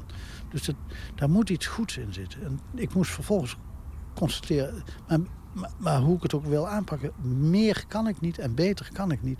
Dus ik zal het hiermee moeten doen. Vervolgens accepteerde ik het materiaal wat ik eerst niet accepteerde. Kijk, dat is je keerpunt. Hè? En dat is een keerpunt. En waar woon je dan in Amsterdam? Eh, in de Belmermeer. En de Belmermeer, dat was een nieuwe buurt. Eh, dat was een nieuwe buurt. En dan had ik één kamer van die flat op de negende etage. Dat was, eh, dat was mijn atelier. En je kijkt op, wat zie je als je uiteraard? Ik zie nog één flat achter mij eh, eh, als uitzicht. En die is hoger dan de onze. En dan zie ik eh, opgespoten land, wat tot voor kort polder was. Dan ik zie de torens van Apkoude. En ik zie dat er graafwerkzaamheden plaatsvinden. En dat blijkt later, wordt dat het AMC. Wat wilde je toen? Hele goede dingen maken. Hele goede dingen maken. En ik wist dat het tijd zou kosten. Ik denk dat ik, dat ik aan mijn eigen verwachtingen en misschien pretenties niet kon voldoen. Ik bedoel, ik zag natuurlijk wel mensen die ja, dit waarderen en toch- moet het anders. Al is het via een klein ontploffingje van god, nou is het afgelopen. En Ben je een kwade tekenaar dan? ik ben, ja, alles komt stampvoetend tot stand, bijna. Nee, werkelijk. Nee, werkelijk. Ik wil en mijzelf en waarschijnlijk de kijker in eerste instantie behagen. En, maar dat vind ik dan te slap. En te goedkoop. de kwaadheid betreft de- de- het feit dat je ook een behaagzieke kant hebt. Als, als het jongetje dat een mooie tekening wil maken. Ja, dat denk ik wel. Ja. En dat, eh, maar dat vind ik niks eigenlijk. Dat, vind ik, dat is te weinig. Het is te weinig. En dat is, eh, eh, het moet meer zijn. En ik weet dat het, door nog even door te gaan... Ik verknal ook heel veel mooie dingen.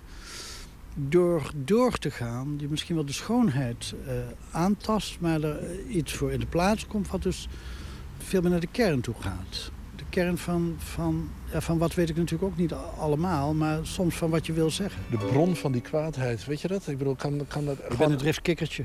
Dat, is, dat, is, dat was vroeger al zo als kind. Dat is, dat is nooit verdwenen, denk ik. En eh, anders, ik kan... eh, Zo is toch nog ergens goed voor geworden. dat is toch nog ergens goed voor. Ja, nee, dat is, dat is zeker zo. Dat is ook in het, dat is in het werk zo en buiten het werk zo. Ik kan enorm ruzie maken. En tegelijkertijd ben ik enorm dol op degene met, met wie ik die ruzie maak. Anders zou ik hem waarschijnlijk ook niet maken.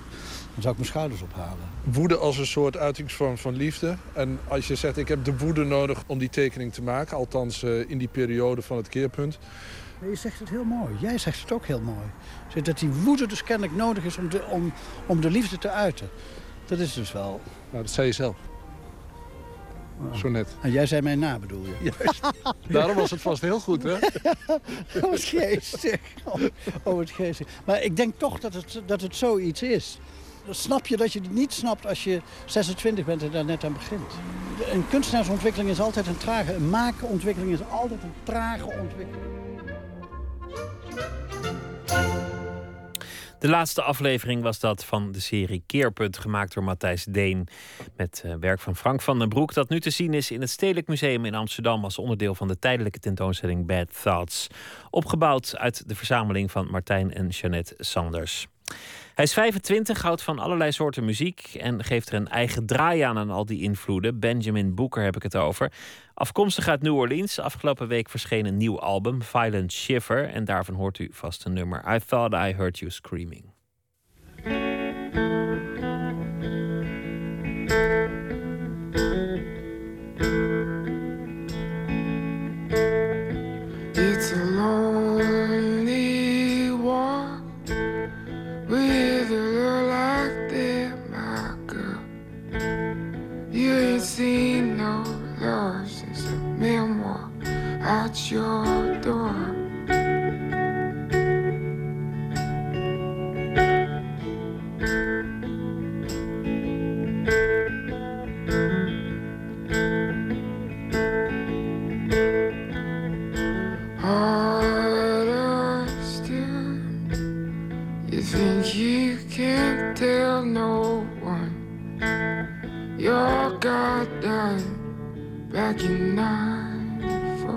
rhythm.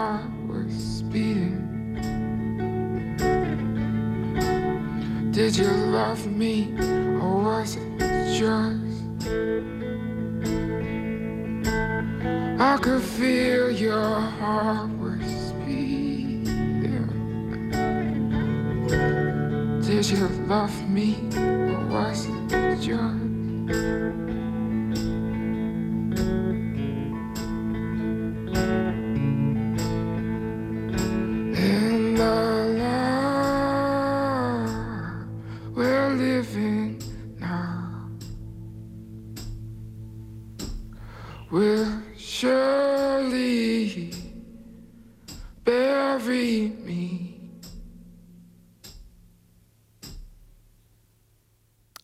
I Thought I Heard You Screaming van Benjamin Booker was dat. Nooit meer slapen. Anton de Goede is onze nachtcorrespondent. En ik heb hem uh, met een beetje geluk nu aan de lijn. Goeienacht, Anton. Ja, goeienacht, Pieter. Het geluk is met uh, jou. over het overlijden van Ger van Elk uh, gaan we het hebben. En, een van de grootste nog levende kunstenaars van Nederlandse bodem hoorde ik vanmiddag over hem. Wie was het? Ja, Ger van Elk Ehm, als jij het vanmiddag hoorde, ik, ik, mij bereikte het nieuws pas om een uur of negen. Dus eigenlijk nog vrij Dat vers, dat is 73 jaar geworden. Eh, wie was hij? Hij gold inderdaad als een van de belangrijkste Nederlandse vertegenwoordigers van wat dan heet de conceptuele kunst. Eh, de conceptuele kunst, het idee achter een kunstwerk, is van essentieel belang. En misschien belangrijker dan hoe iets eruit ziet. Eh, belangrijke kunststroming aan, in de tweede helft van de vorige eeuw. Wat hij maakte, ernstig werk. En tegelijkertijd moest je er vaak om glimlachen. Als werk in het Stedelijk Museum deed mij in ieder geval heel vaak langer stilhouden dan ander werk dat daar hing. Ehm, wat heeft hij gemaakt? Hij heeft installaties met tenten gemaakt toen hij jong was. Hij heeft eh, met collega-kunstenaars allerlei samenwerkingsverbanden gehad. Gaandeweg ging hij fotografie met schilderkunst combineren... of maakte hij ontroerende filmpjes die heel minimalistisch kunnen zijn. Ik noem een filmpje van een plint onder een witte muur... en opeens komt er heel langzaam in beeld geschoven een blote voet... die langzaam zo in beeld schuift en vervolgens ook weer vertrekt. Meer niet. Ehm, conceptuele kunst. Een van zijn hoofdwerken is ook misschien... eh, eh, ja, Sandra Smallenberg noemt dat een toonbeeld van conceptuele kunst... in een in memoriam dat inmiddels op de site van NRC Handelsblad staat. En dat was La Pièce, een klein wit geschilderd blokje hout... op een rood fluwelen kussentje. En het idee daarachter was dat het werk gemaakt was, geschilderd, wit geschilderd... ergens midden op de oceaan omdat de lucht daar optimaal zuiver en stofvrij was. Niet onbelangrijk, een werk uit 1971, dus heel vroeg. En dat stond dan onder een glazen stolp... en ja, riep dan allerlei associaties en gedachten op. Het blokje, la pièce. Ehm, zijn werk hangt in het MoMA in New York... in het Van Abbe Museum, waar Frank van den Broek het net over had... en dat, dat ze bezochten. Ook in de Tate Gallery, in allerlei Amerikaanse musea. In Nederland, als je het vergelijkt met het buitenland... was hij niet eens zo heel bekend. Waarom dat was, zal ik misschien straks nog zeggen. Ik heb hem in 2010 drie uur lang geïnterviewd... in het zogeheten marathon-interview voor de VPRO... en hem sindsdien een paar keer ontmoet. Bijvoorbeeld in 2012, toen hij nog met nieuw werk kwam. Hij was de 70 gepasseerd, maar in Borzo en Grim Gallery in Amsterdam... hing een serie werken getiteld... As is, as was, as was, as is. Wat zoiets betekent volgens mij als zoals het is, was het... en zoals het was, is het. Het waren plexiglazen panelen, doorzichtig... die in de ruimte hingen aan het plafond van de galerie. En die panelen stonden haaks op elkaar, waren doorzichtig... maar ze waren beplakt met foto's van vrouwelijke modellen. Dia's, de een vaag, de ander helderder... en dat leverde weemoedige beelden op vrouwengezichten. Nu is toegewend naar de kijker, dan weer afgewend. Al die vrouwenfoto's. Ik vroeg hem toen in die galerie waar het eigenlijk om draaide. Waarop hij dit zei. Het gaat over eh, een verloren liefde. En die is helemaal weggezakt in het verleden. En toen kwam ik een jaar geleden op het idee om haar toch terug te halen. Een verloren Ja, liefde terughalen. Ja. Ja, en dat is Geert en Ger van Elk ten voeten uit. Hij had het vaak over liefdes die waren stuk gelopen. Hij kon als een puber zo enthousiast uitroepen als je hem tegenkwam... het gaat zo goed, ik ben weer stapelverliefd. Of hij kon in zak en as zitten als er weer een relatie gestrand was. En ik heb het dus over iemand die rond de 70 was. Dit werk ging dus over afscheid, over komen en gaan, over in beeld komen en er weer uit verdwijnen. Eigenlijk net als die voet bij die plint.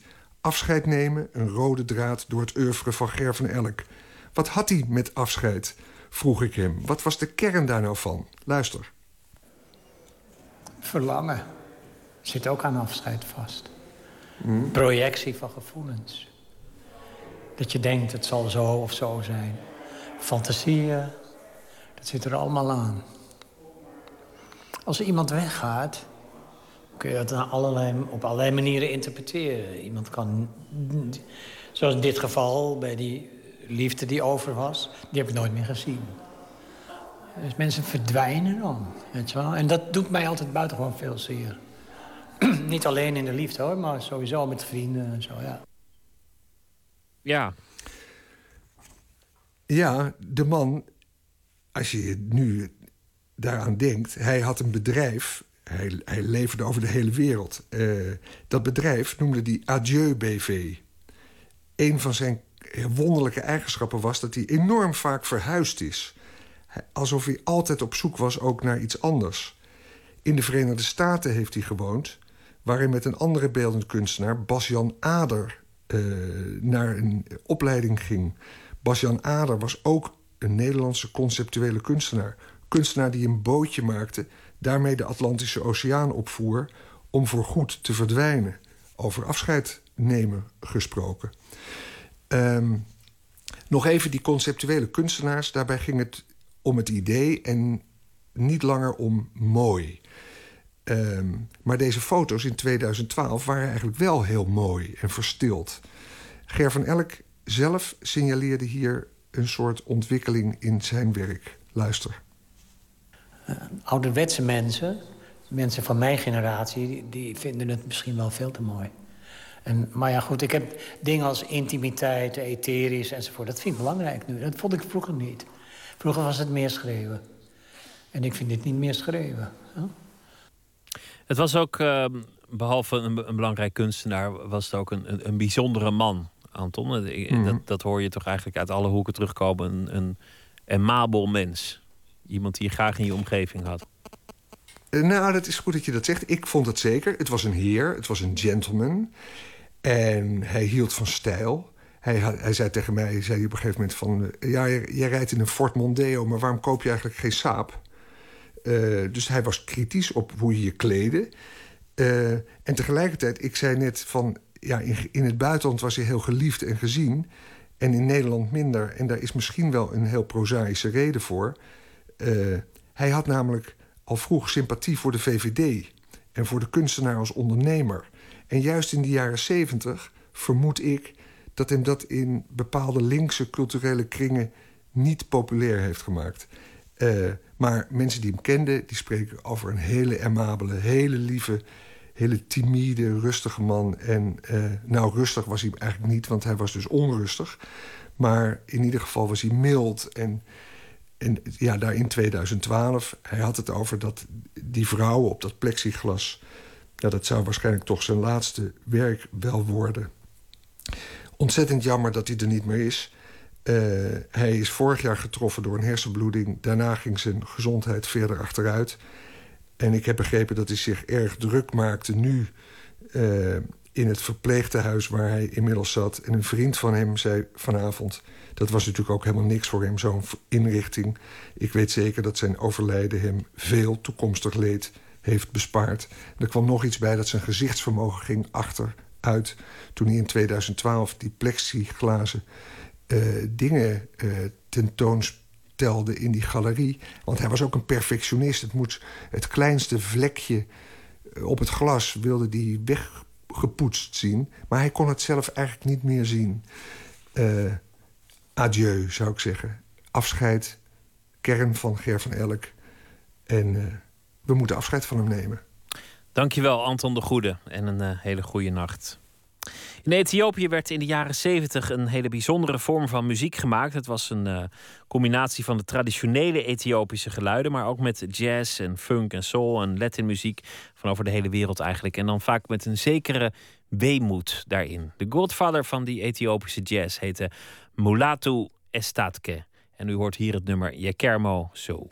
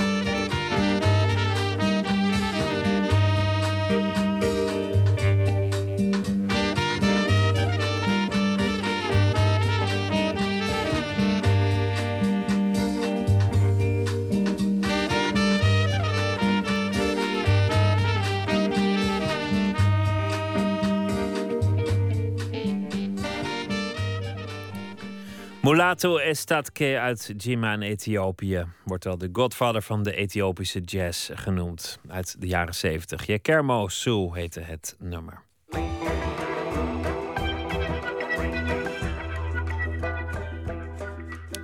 Goed, overdag slijt je je dagen op het kantoor van Greenpeace en je hebt een verzameling van maar liefst 150 verschillende knuffelbeesten dan is het ook geen wonder dat er hier en daar wat dieren opduiken als je poëzie schrijft. In Regen Kosmos Kamerplant, de debuutbundel van Anna Broeksma, dartelen girafpaarden, een vogelbekdier, een puntlipneushoorn rond. En Nicky Dekker die nam Anne Broeksma mee naar Dierenpark Amersfoort... om daar eens verder te praten over dieren, poëzie... en de sterke aantrekkingskracht van het duister.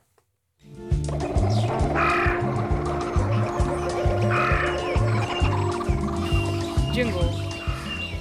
Achter een plant zit een beest dat schichtig is. Het schudt de kop. We zijn nu in de jungle van ons leven. Er is een vrouw die dansen moet.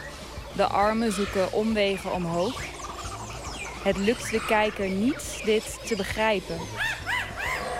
Verbeeld je in een rol die past bij de omgeving. Simpel. Blootsvoets. Het roffelhart dat nadert, klinkt versleten.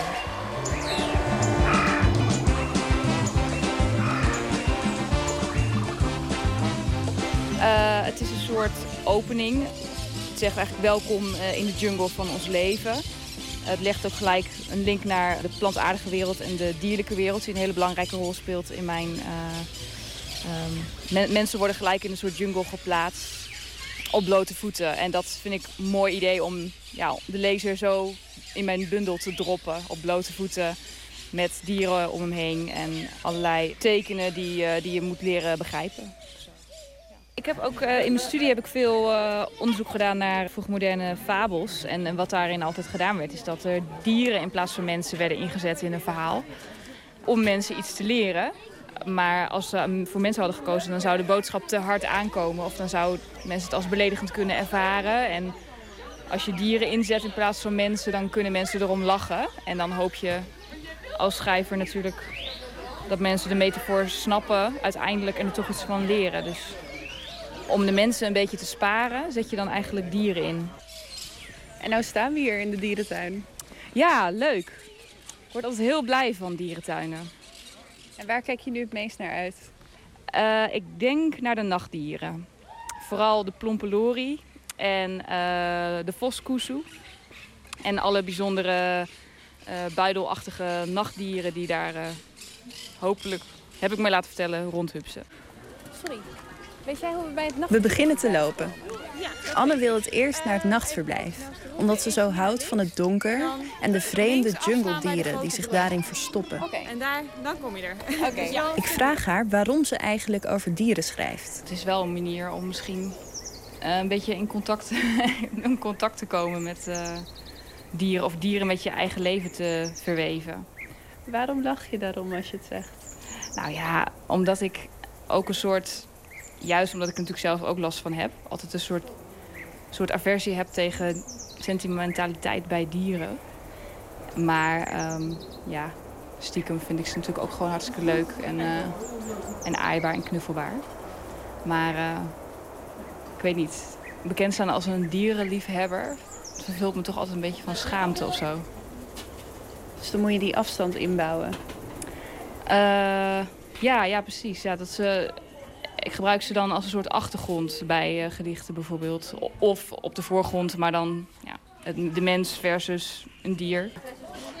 Nou dat komt ook door, door dat dubbele, omdat mijn fascinatie aan de ene kant wetenschappelijk is... en aan de andere kant iets wat daar lijnrecht tegenover staat, namelijk gevoel. En dat ligt zo ver uit elkaar en dat, dat komt samen in de dierenwereld. En ja, die, die verhouding daartussen vind ik wel heel interessant. Ja. Kleine giraffenpaarden zweven nieuwsgierig door de stad. Met vleugels als bladeren en goedmoedige snoeten. Er zijn gevlekte exemplaren bij en albino's. Praten kunnen ze over verkeersborden en over de regen. Soms slingeren ze een aanmoediging in elkaars gezicht en kijken daarbij heel oprecht. Als je aandachtig zou luisteren naar een exemplaar, zou het je laten schikken met zijn verhalen. Je zou het in een handdoek willen wikkelen. De vleugels stevig dichtgebonden. En wat is nou het giraffenpaard in dit fabeltje?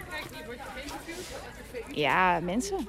Het gaat eigenlijk over dat, dat je als je in een stad met een willekeurig persoon zou praten... en ja, de, de, verhalen die je zult horen zullen niet, uh, niet niks zijn. Het is nogal wat wat ieder mens met zich meedraagt of wat ieder mens te vertellen heeft of zo. En, uh, en ook dat van ja, ja, alles wat we kunnen doen is naast elkaar en langs elkaar zweven door een stad... En af en toe geven we elkaar een aanmoediging. En soms praten we over onbelangrijke dingen en dan weer over belangrijke dingen. Dus een beetje het willekeurige van mensen die naast elkaar leven in een stad. Even kijken waar we heen moeten. Even kijken of hier een bordje is waar de nachtdieren zijn. Beer, kijk, beer. Oh ja, wow. Een halve meter van het glas staat een bruine beer van zijn ene poot op zijn andere te wippen. Haast alsof hij om onze aandacht wil vragen. Anne kijkt wat verveeld voor zich uit. Echt een beetje van die typische circuskunstjes. Maar ja, daar hebben wij helemaal niet om gevraagd. Dus... Vind je dat dan teleurstellend? Nou ja, ik hoop niet dat die beer denkt dat wij daarop zitten te wachten. Want uh, voor mij hoeft hij dat niet te doen hoor. Nee, maar jij wil, soort, jij wil die ongerepte natuur om te bestuderen. Ja, ja, ik ben wel zo'n netbioloog die het allemaal zo natuurlijk uh, mogelijk wil en zo. Terwijl dat natuurlijk helemaal niet uh, van toepassing is in een dierentuin. Absoluut, ja. Het beer is eigenlijk een van de weinige dieren die ook in mijn knuffelcollectie ontbreekt. Ja. Heb jij een grote knuffelcollectie? Ja, ik spaar al mijn hele leven lang. Dus, maar tegenwoordig komen er alleen bijzondere diersoorten in. Zoals um, aja's of miereneters of gordeldieren. Dus uh, misschien moeten we zo meteen de afloop ook maar even naar de shop. Misschien hadden we bij de entree een kaart mee moeten nemen, want we dolen nog steeds rond. Op zoek naar het nachtverblijf. Nu lopen we langs een rij met vogelkooien. We houden stil bij een grote bruine uil, de oehoe. Daar zo links achterin. Oh ja, ja, ja rechts ook achter. Zie? Oh ja. Er staat een bordje bij met een smiley en er staat niet bedreigd in het wild ja, met echt een heel... Zo, zo van, uh, schiet ze maar lekker af of zo, ja. Echt een hele tevreden oogjes erbij. Eindelijk ook eens goed dierennieuws. Ja, want jij werkt ook om dieren te beschermen, toch? Uh, nou, we zeggen dan altijd... we werken om uh, natuurgebieden te beschermen. Of om gewoon... Uh, of om milieurampen te voorkomen. Maar ik werk bij Greenpeace inderdaad. En wij zijn, Greenpeace is natuurlijk heel erg bekend van de walvissen. Maar um, het is geen dierenbeschermingsorganisatie. En waarom ben jij ervoor gaan werken? Omdat ik als kind al helemaal fan was van, van Greenpeace. Hoe ze dan, ja... Ik, ik, las boeken over kinderen die dan aan boord mochten. En dan gingen ze actie voeren. En vooral het, het oppakken van, van mensen die, die de natuur echt kwaad willen doen... dat sprak me heel erg aan. Dus het oppakken van stropers of van walvisjagers... of zo met een klein bootje het gevaar tegemoet. Dat sprak me als kind heel erg aan en dat is me eigenlijk wel blijven aanspreken. Maar dat doe je nu niet, toch? nee, ik zit, niet, eh, ik zit wel eh, gewoon achter een computer, helaas.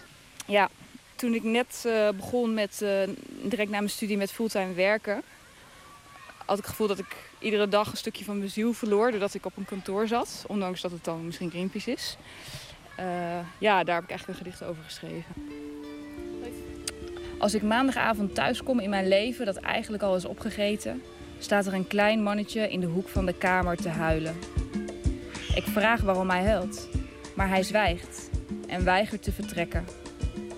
Als ik op zijn voetjes trap, begint hij opnieuw te huilen.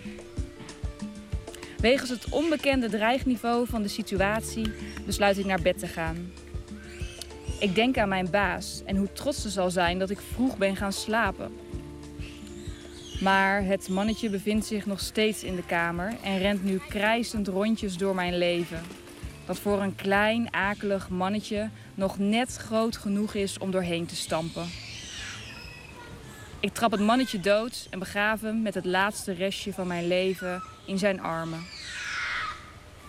Als het mannetje een dier zou zijn, wat voor dier was het dan? Oh, dat is een goeie. Ehm, nou, ik denk een baviaan. En dat is niet alleen omdat we hier nu uh, tegenover het bavianenverblijf zitten. Maar ik zie een baviaan wel echt iets stelen en dan heel irritant krijsend rondrennen. En ja, het spijt me voor de bavianen, maar het zijn ook niet de knapste dieren uit het dierenrijk. Dus uh, nu ik ze zo zie, ja, dat zou wel een baviaan kunnen zijn. Ze zijn heel agressief, of niet? Ja, dat dacht ik, ja. Ja, ik, ik weet het niet. Ze leven volgens mij soms ook... In een documentaire zag ik ze een keer een hele dat ze ook in hele droge gebieden, hele rotsachtige gebieden leven. En uh, daar ook regelmatig bijvoorbeeld uh, dode dieren van andere roofdieren stelen. Dus ook echt een beetje aaseters zijn. Dus jouw kantoorbaan steelt de restjes van je dode leven. En kan alleen maar aarden op hele droge, dorre grond. Ja, dat vind ik wel een mooie conclusie. Ja.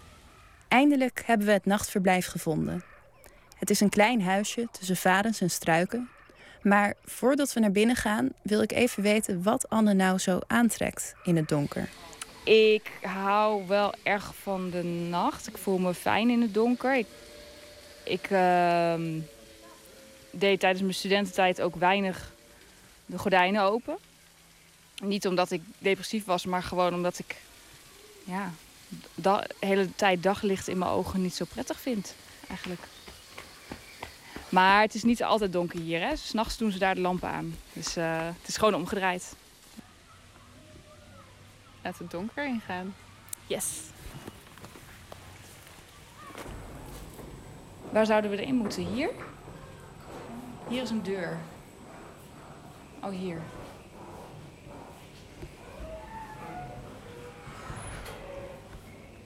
Stil zijn, op het pad blijven. Geen flitslicht, geen dieren aanraken. Kunnen we ons daar aan houden? Denk het niet.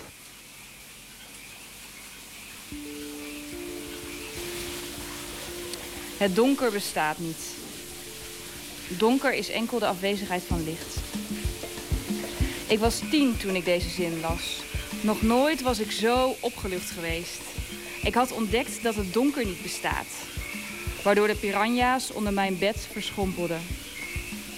Vanaf nu was er altijd licht, behalve in het donker. In mijn pyjama stond ik s'nachts voor het raam om naar de nachtdieren te kijken in de tuin. Maar werd aangestaard door zwarte gaten met lage hekken eromheen. Uit het niets leek er iets te ontsnappen. Ligofilie is liefde voor de afwezigheid van licht. Als een stervende vleermuis kromp ik voor de grap ineen wanneer mijn vader een lamp aanklikte boven de bank. Ik zei dat ik nu blind was en de letters niet meer kon lezen. Later ontdekte ik de mogelijkheid van gesloten gordijnen. Overleefde ik mijn studententijd door van de middag een avond te maken. Er lag nooit meer stof op de kast. En mijn kamer was een kerk waarin ik zweefde en alleen maar scherper voelde hoe het wit van de dag boven mijn hoofd hing.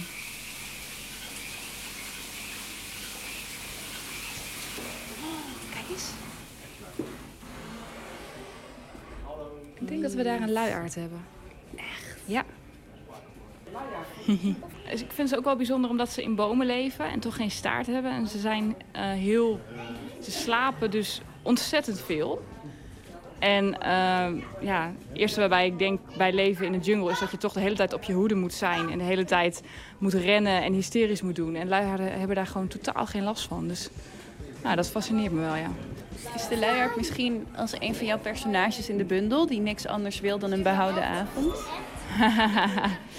Uh, ja, dat, zo zou je het kunnen zien. Maar vaak is de clue in dat soort gedichten van een behouden avond juist dat het hard werken is om alleen maar de avond te behouden. Elkaar staande houden in communicatie wanneer je aan een tafeltje zit. En uh, dat vind ik soms juist heel hard werken. Ik zou juist wel iets meer een luiaard willen zijn en iets meer achterover willen gaan hangen in een stoel en kijken wat er gebeurt met je staat.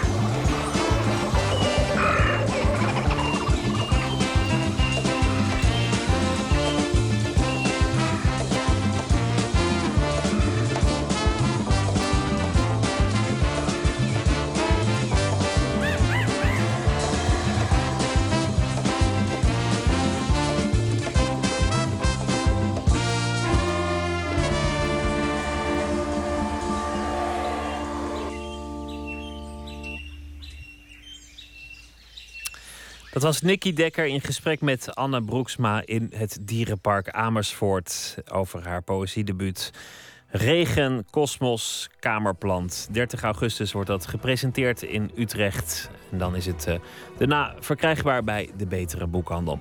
Tot zover Nooit meer slapen voor deze nacht. We zijn er morgen weer na middernacht op dezelfde zender, dus op dezelfde tijd. Ik wens u nu een uh, hele goede nacht via Twitter, @vpro_nms of via de mail nooitmeerslapen@vpro.nl. Straks op Radio 1 de EO met Dit is de Nacht. Een goede nacht. Op Radio 1, het nieuws van alle kanten.